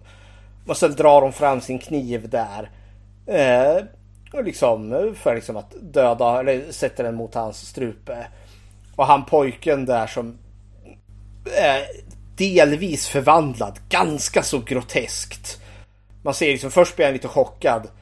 Men sen ser han ju också liksom kniven där. Och man ser liksom, liksom att det finns något. Eh, han, liksom, han lutar sig fram, liksom lägger strupen mot kniven. Som att det finns liksom en vädjan där. För han är så pass förvandlad att han inte längre har ord. Och liksom en del av honom vill, låt mig dö. Medan jag fortfarande har någon form av mänsklighet kvar. Och det blir ju för mycket för Ginger. Hon, hon, ser ju fortfarande barnet som finns där och klarar inte av att döda honom. Och sen dyker ju eh, psykbrytssoldaterna upp och så går det som det går. Och så har ju de ihjäl pojken istället. Och nej! Då kan hon ju inte häva förbannelsen. No. Nej men jag tänker det, alltså vi... Om eh, första filmen har ju fokuserat mer på Ginger som skurken. Och Bridget får göra sin förvandling som hon som gick i skuggan av Ginger. Eh, tvåan fokuserar mer på Bridget. Som den här kämpande unga kvinnan. Film nummer tre gör Ginger mer till hjälten. Eh, fokuserar mer på hennes liksom resa. Eh, ja, dels in i varulv men de gör henne aldrig till en skurk. Tycker jag. Nej, hon är ju mera inne på att eh, försvara. Mm -hmm. Både människorna och sin syster. Ja, framför allt sin syster. Ja, men också människan. Hon är ju inte orimlig. Sen finns det genuint orimliga människor med i den här filmen. Som inte behöver försvaras. Eh, men Bridget då? Eh, vad tycker du om Bridget i den här filmen? Hon är samma som i första. Lite smådryg men på 1800-talsvis. Mm -hmm. För eh, hon... Eh, om jag inte minns helt fel så är det väl henne de försöker bränna också. Ja, i slutet där. Ja, exakt. Den här, gal, den, den här galna jävla prästen vill ju bränna henne på bål. Där. Ja, för de tror att hon är en häxa. Ja. Vad är det han heter? Prästen... Eh, det, där. Gilbert. Ja. Hugh Dillon som skådespelare. Han gör den väldigt bra. ja, vilket... Ja, återigen, Tyler var äcklig i film nummer två. Här är det Reverend Gilbert som är i våldsamt behov av en örfil eller två. ja. Uh, nej men Bridget, jag tänker också hon spelar i stort sett samma roll som i första filmen. Fast inte så mycket att hon går i Gingers skugga som att hon är en svans på henne. Nej. Men däremot att om man, om man skulle säga att Ginger är alfa så är Bridget beta. Alltså eh, Ginger är den som är i behov av att räddas. Och Ginger är den som ska rädda. Och den förvandling hon får göra genom den här filmen är att hon får, i och med att Ginger blir mer varulv Eh, så får ju Bridget börja bli lite mer beroende av sig själv. Eh, och det är ju också Bridget som förväntas enligt den här profetian döda Ginger och häva förbannelsen. Vi kan ju spara twisten till slut, eller ska vi ta den nu på en gång förresten? Vi kan ju prata färdigt om de här eh, mansgrisarna som är... Ja! vi har ju en, eh, om, om, innan vi börjar med idioterna så har vi ju Hunter, alltså... Ja. Eller Nathaniel Arkand som är han uh, urinvånaren som... Uh, han räddar väl dem? Från när hon ja. fastnar i en björn, björnfälla. Sax. Ja, han är ju en del i den här profetian. Som vi förstår finns. Han han väl barnbarn barn till hon tanten? Ja, hon sierskan där. Ed Edna Rain heter hon, skådespelaren. Uh, han är ju... Jag tänker liksom om man ska dela upp männen här. Vi har verkligen de, de goda eller de rimliga männen i ett läger. Och sen har vi dum i huvudet män i en annan liga där. För det är verkligen dum i huvudet männen är ju liksom ledda utav vad är det han, Reverend Gilbert och sen den här soldaten som är second in command. Simus kanske? Uh, nej, Simus är en av de hyggliga. Det är han som har uh, som vars son är också en amerikansk urinvånare. Ja, just det. Så är det. Fast vuxen då. Är det James då? Ja, det kan jag kommer aldrig ihåg. Jag kommer aldrig ihåg vad han hette, men han Nej. var liksom second in command rövhål till människa som verkligen var så här att ja men en Kvinnor, de är till för att slås i ansiktet och sen ska de göra med en smörgås. Han är liksom bara ett osympatiskt rövhål som också är då Eh, ja, han är uppenbart rasist. För så fort liksom Hunter eller Simus son dyker upp där så är det ju verkligen så Jaha, sådana där svarthåriga indianslödder. Blä, blä, blä, blä. Ja, usch. Det var också en sån där karaktär som jag inte bara... Eh, jag kunde bara inte vänta på att fanskapet skulle dö och han dog tack och lov. Ja, det, det tog för lång tid. Jo, förvis. Eh, sen har du ju Reverend Gilbert. Han är ju också samma sak i stort sett. Ja. Fast, fast han lägger ju på att han... Eh, han lägger ju någon form av gudomligt mandat. Han, han är ett språkrör till Gud. Ja. Och jag, jag skrev upp en replik här som jag tyckte sammanfattade den här karaktären bra. Det var han Simus som sa det. Uh, the scripture has twisted that man deadly. Alltså den, den heliga boken, Bibeln, har förvrängt den där mannen på ett dödligt sätt. Och då vet det- vi var du hamnar sen då när du har tagit examen. Ja, inte hos Reverend Gilbert. God damn, Gilbert skulle bränna mig på bål också. Du skaffar Eh, en egen, en egen eh, du gör en sekt. Ja, nej, det, det där Gilbert. Alltså grejen är, just det där, the, the scripture had twisted that man deadly.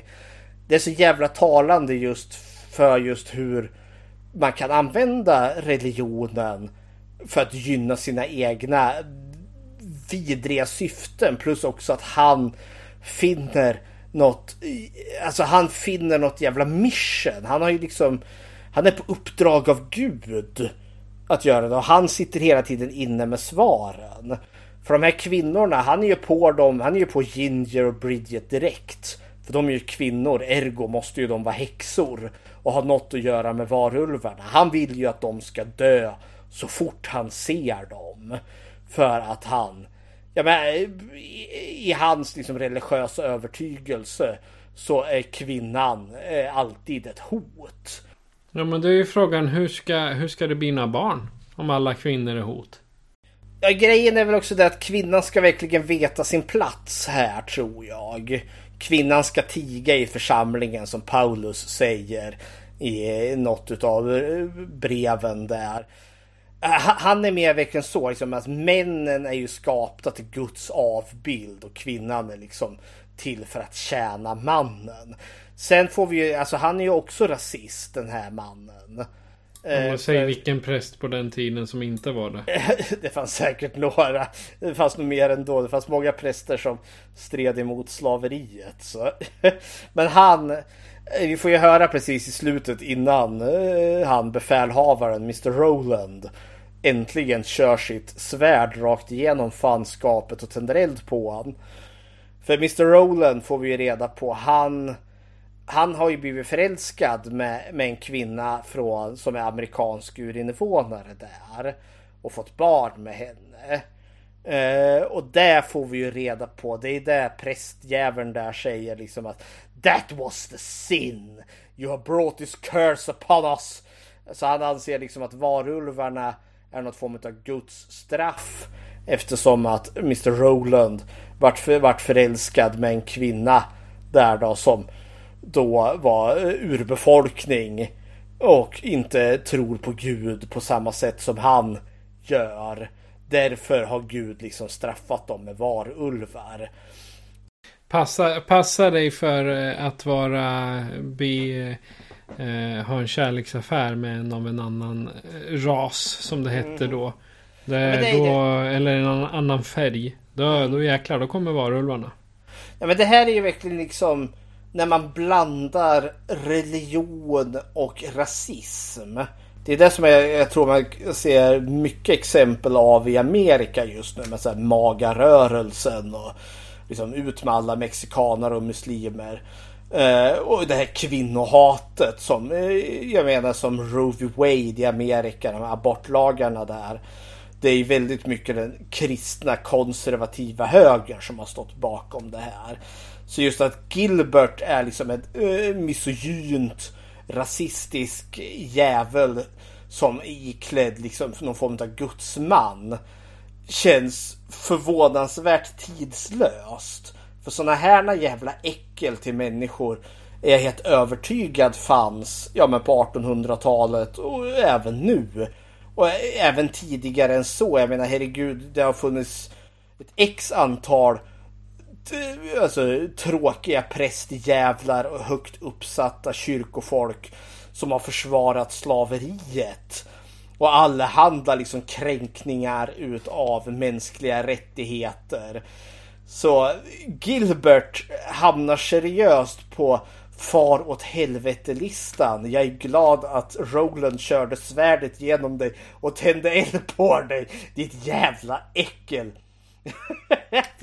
Jag kan inte mer än att hålla med. Det, det finns ju sådana även idag som man gärna skulle göra. Eller som man, som man gärna. Som... eh, som jag, jag, jag ska inte vara våldsbejakande men eh, om man rent i huvudet så kan man... Man skulle kunna... Man skulle vilja göra det i deras intellekt. Om det nu finns något. Det här är ju liksom, det är ju fi fiktion. Som så tur självklart, är. Ja, som tur är. Men tyvärr så liksom som med Ginger Snaps 2 med den här psykiska ohälsan, självskadebeteende och människor som utnyttjar sånt. Ringar liksom, det, det finns liksom inslag till verkligheten. Och det gör så, det ju här också. Det är ju ja. kvinnosynen på 1800-talet. Ja, och tyvärr så kan man ju se liksom ekon av det än idag. Och som med prästen Gilbert där då som blandar religion med rasism. Det ser vi också liksom tecken på även än idag tyvärr. Och det får vi väl tyvärr kanske alltid dras med. Men som sagt, nu, nu har vi Gilbert, nu har vi kanske pratat, eller jag har pratat mycket om honom. Så jävla stor plats har han inte i filmen. Men, Hans han, han åsikter väldigt, har. Ja, han var väldigt hateable. Men det, som sagt, den här filmen är inte så jävla seriös. Han är, han är verkligen upplagd. Så när, när den här karaktären dyker upp. Då gissar man, ja men det här är skitstöveln. Och han kommer att dö. Och det gör han. den här är mycket mer stereotyp skräckfilm överlag. Där vi verkligen har folk som liksom offas ena efter den andra. Så det är lite som en sla slasherfilm fast med en varulv ja. istället för en kniv. Ja, helt klart. Vilket gör att det här blir mycket mer trivsamt, det är mycket mer hanterbart. Det märks uh, att, det är, att det, det, är, det är inte så, så djupt. Det, man behöver inte tänka så mycket. Nej men det, det är bara skön underhållning den här filmen. Det är bara skön död. Skön död. Ska vi gå till slutet av den här filmen? För vi knyter ihop säcken här. Alltså slutet med, med Ginger och Bridget. Profetian säger ju att Ginger ska knivhugga... Nej, Bridget ska knivhugga Ginger till döds. Men det blir ju inte så. Det blir ett lyckligt slut. Ja, i de situationstecken. För Istället, dem blir det. Ja, den här karaktären Hunter. Han är också med i profetian. Han ska eh, skydda eh, Bridget så att, han, att hon kan besegra Ginger där. För grejen är, för slutet blir ju ganska coolt. För Ginger blir ju utslängd. Eller nej, hon, hon, nu kommer, nej de flyr. Ja, de springer ut båda två. Ja. Men sen börjar förvandla, alltså Ginger börjar bli för mycket varulv. Uh, Bridget blir väl nedslagen och tagen tillbaka till fortet. Ledd utav uh, ja, han den där äckliga soldaten och sen pastor Gilbert. Uh, och henne ska de bränna. är... Henne ska de bränna. Uh, och det är också därför att alla rimliga människor har ju dött här nu. Det är ju bara den här Mr Rowland, ledaren för dem kvar och han har liksom förlorat kontrollen. Det är ju bara eh, de elaka männen kvar här. Men då kommer ju Ginger tillbaka och det här var ju awesome. För hon knackar ju på dem, släpper in henne så börjar de ju misshandla henne direkt. Men hon är ju till dels redan varulv. Både till sinnet och till kroppen. Mm -hmm. Hon är tillräckligt mycket människa också för att kunna planera. Så hon, hon river ju halsen av en av männen. Och sen öppnar hon ju bara porten. Och det var asen för där står hon i sin mörka kåpa ungefär som en jedi nästan. Och så är det liksom inte vet jag, fem, sex varulvar bakom henne. Så släpper hon in dem, de här varulvarna som de har arbetat så jävla hårt med att hålla utanför. Men hon bara slänger upp murarna och in kommer det ett hav utav varulvar. Och de här männen, och alla dumskallar där, ja de möter ju sitt rättmätiga öde där. Där de slits i bitar. Och Hunter, eh, våran actionhjälte här egentligen. Han som har tränat hela sitt liv på att slåss mot varulvar. Är jävligt effektiv på att ta livet av varulvarna. Eh, men i slutändan så är det ju bara Hunter Bridget och Ginger kvar. Eh, och eh, hon, profetian säger att Bridget ska knivhugga Ginger Eh, men när hon får kniven där, istället för att hugga Bridget i bröstet så spinner hon runt och så hugger hon Hunter i bröstet istället. Och dödar honom. Och så väljer hon att liksom gå till, till sin syster istället. Ja. Och det slutar med att de två sitter ute i skogen. Fortet brinner i bakgrunden. Alla, precis alla som de har mött är döda. Det finns ingen kvar i livet förutom Bridget och Ginger. Och sen då, eh, de omfamnar varandra. Eh, Ginger är till hälften varulv. Och vi förstår att hon, hon blandar, Bridget blandar sitt blod med Ginger. Så nu förstår vi, hon kommer också bli varulv. Sisters for life säger de ju. Sisters for life.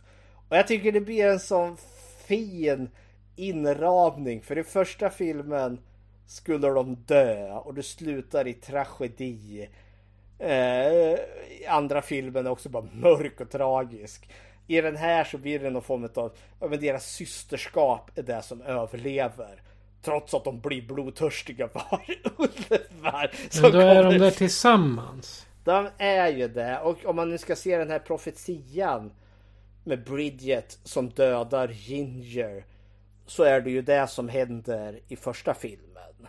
För där knivhugger hon ju äh, Ginger där. Så, nej men jag tyckte, jag tyckte, jag var väldigt tillfredsställd av det här slutet.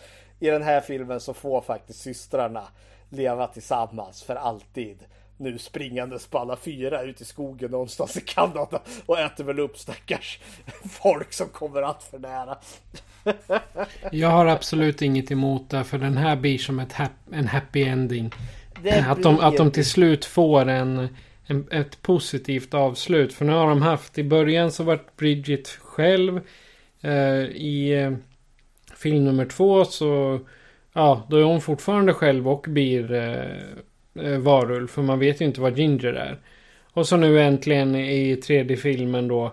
Som egentligen är för eh, 200 år sedan. Då blir de också eh, varulvar. Men då blir de där tillsammans båda två. Samtidigt. Ja men det är precis som du säger, den här har faktiskt ett lyckligt slut ändå. Uh, lite snabb callback till det vi nämnde de här. Jag, jag kategoriserar ju de, de, goda männen och de onda männen. Uh, vi, uh, och de här goda männen, Mr Roland och Seamus. Det som slog mig att de har någonting gemensamt. Det är ju Mr Roland han har ju blivit förälskad med en kvinna som är urinvånare. Simus har en son som är urinvånare som jag inte riktigt varit klar på om det är hans biologiska son eller om det bara är någon som han har valt att adoptera. För den, den grabben är ju liksom ändå så, han måste vara minst liksom 18 eller något sånt där. Han är ju mer vuxen. Men det är ju de som är de rimliga männen, de goda männen. Och det slog mig att de ser bevisligen inte hudfärg. Medan de onda männen här, eh, pastorn och han the second in command. De gör ju jäklare mig en poäng av att eh, hudfärg eh, är verkligen viktigt för dem. Så den här filmen gör ju väldigt liksom till, alltså de som inte ser hudfärg eller lägger någon vikt vid det. Det är de goda. Medan de onda är ju uppenbart rasister. Och liksom eh, chauvinistiska vitmaktmänniskor typ. Jag tittade på sådana här lite roliga goofs på IMDB. Så det, filmen sägs ju att den tar plats 1815. Jajamän. Men majoriteten av alla gevär och pistoler har percussion locks. Jag vet inte vad skillnaden och inte flintlås.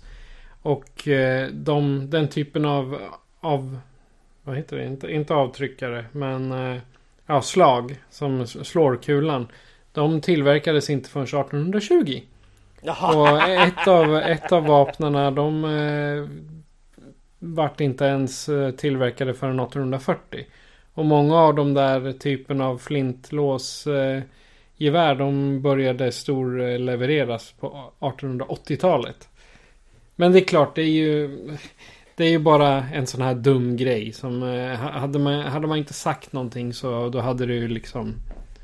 Jag hade jag sagt att jag är fullständigt ovetande, har noll koll. Fullständigt ointressant. Men så här, i, I första, första ingången i, eh, i... När de kommer in så står det ju en sexcylindrig musiklåda. Och eh, låten de spelar upp heter Sweethearts of Sigma Chai. Men den låten skrevs 1911. ja, men det, jaha, 1911. Ja. Ja, ja så där.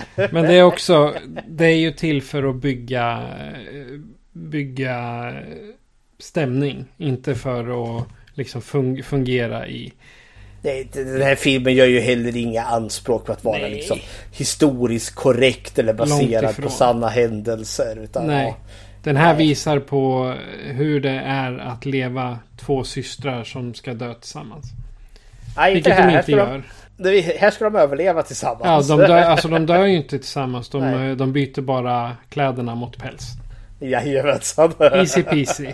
Jajamän. Jaha, ska vi gå till slutord här nu? Ja, eh, jag har pratat ganska mycket slutord Jag redan tycker jag. Vi kan väl sammanfatta. Jag tyckte det här var en förvånansvärt trivsam film. Jag trodde mycket lägre om det men nu när jag väl har sett den så tyckte jag det här var fantastiskt. Väl, eh, väl eh, spelad liksom cheesy varulvsfilm. Gott om killing och gore. Alltså jag kommer nog återvända till den här innan jag återvänder till Ginger Snaps 2. Eh, för den här är ändå så liksom en kul skräckfilm. Eh, och jag tänker nog säga att eh, om jag nu får dra ihop hela den här trilogin så är den förvånansvärt stark trilogi överlag. Ingen film är direkt dålig. Tonerna är, an är annorlunda i samtliga filmer. Och samtliga filmer gör något eget med eh, ja, mytologin och eh, ja, det som man har byggt upp i den här. Och man, ingen film är egentligen bara någon trött kopia på den andra. Så eh, trean gillar den bättre än tvåan. Triologin överlag väldigt trivsam. Väldigt bra skräckfilmstriologi det här. Så det är mina slutord kring Ginger Snaps som helhet. Jag, jag skulle säga det att eh, Ginger Snaps-trilogin är... Man skulle kunna se de här filmerna tre för sig utan att ha sett de andra två. Visserligen Ginger Snaps 2 Unleashed, den eh, säger ju sig själv att man behöver se första filmen för att förstå varför allting är som det är. Men om man inte vill vara så djupt in då kan det lika gärna vara att man ser den eh, för vad den är. För det är ju trots allt ett konstverk de har satt ihop där med Bridgets eh, ja, dåliga mående egentligen. För Emily Perkins gör en jäkligt bra roll för att sakta brytas ner under en och en halv timme. Ja, men skådespelet i de här filmerna har varit superbt i samtliga Ja. filmer. Både Catherine Isabelle och Emily Perkins de har gjort skitbra roller rent utav. Så det är... Men jag skulle säga både första och tredje filmen skulle jag lägga på 8 av 10 rätt, lätt för det saknas eh, zombies. Det är typ enda... Eh, nej, sk- skämt åsido. Det finns brister men de är ändå så pass bra kvalitet att jag är villig att återvända till dem. Tvåan är... Den är inte dålig per se men den är alldeles för mörk för att eh, jag ska återvända till den. Ja, den är lite som, eh, som jag har sagt med Eden Lake. Att jag klarar inte av att se den bara för att jag blir så arg på hela filmen. Så då undviker jag att återvända till en film jag inte mår bra av att se. Nu skulle jag väl... Jag är helt med på det spåret. Nu skulle jag nog hävda att Eden Lake är en mycket dystrare film. Och för att vara tvungen att välja mellan Ginger Snaps 2 och Eden Lake. Då hade jag tagit Ginger Snaps 2 Jo, alla dagar i veckan. jag menade, jag, jag, det var mera hur min, hur min känsla är. Ja, Jag ja, har men- liksom samma, samma känsla mot Ginger Snaps 2 som jag har Ja. mot Eden Lake. Ja men därför, jag, jag, jag, jag, jag, förstår det och jag köper det. Jag tror nog jag tänker likadant där. Ja, jag, jag återvänder inte till tvåan igen. Det kan jag ju säga på en gång. Men ettan och trean, helt okej. Jajamän. Och om man då vill, vill man ska man se alla tre. För att förstå. Ja men det Egentligen. tycker jag. De är väl värda att se. Det är en förvånansvärt stark trilogi ändå. Och då, då, då ska man se dem relativt nära varandra också. Inte som vi som hade... Ja nu hade vi i och för sig bara två veckor emellan. Så det var inte så. Men eh, hade det gått en månad och vi hade avslutat eh, trilogin i... eh, vad blir det då? I september. Det hade inte varit... Då hade det inte varit... nej, då hade jag inte varit lika underhållen som jag har varit nu. Ja, Bechteltest. Ja, tack. Ja! ja men eh, här har vi inte riktigt lika många kvinnliga karaktärer. Men vi har ju Ginger och vi har Bridget. Sen har vi hon sierskan. Eh, nu vet jag inte om hon fick något namn eller om hon bara har... Nej, hon, Eh. hon, kallas, hon kallas bara för Elder. Ja. Eh, ja. Men eh, om inte annat så har du ju Ginger och Bridget. Så fråga nummer ett klarar den ju. Möter de någonsin varandra? Ja, eh, Ginger och Bridget möt, är ju liksom med varandra mest hela tiden. Och eh, pratar om något annat än män. Ja, de pratar varulvar och de pratar om att hur de ska överleva. De pratar om sina föräldrar som drunknade. Eh, de pratar om en jävla massa saker. Så eh, Ginger Snaps Back klarar också Bechteltestet. Vilket gör att hela den här trilogin klarar ju Bechteltestet utan problem.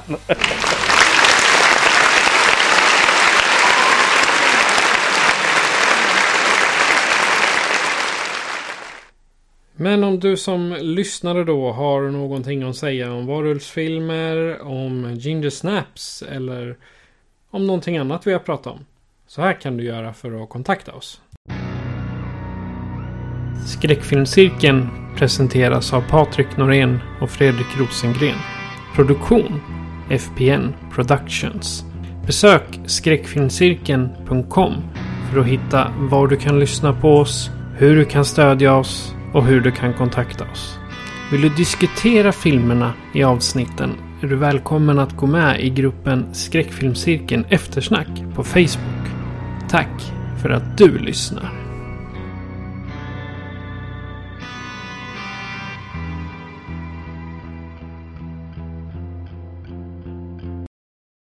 Och Fredrik, vad bjuder du på nästa gång? Eller du, vi? Vi fortsätter lite med tema psykisk ohälsa här.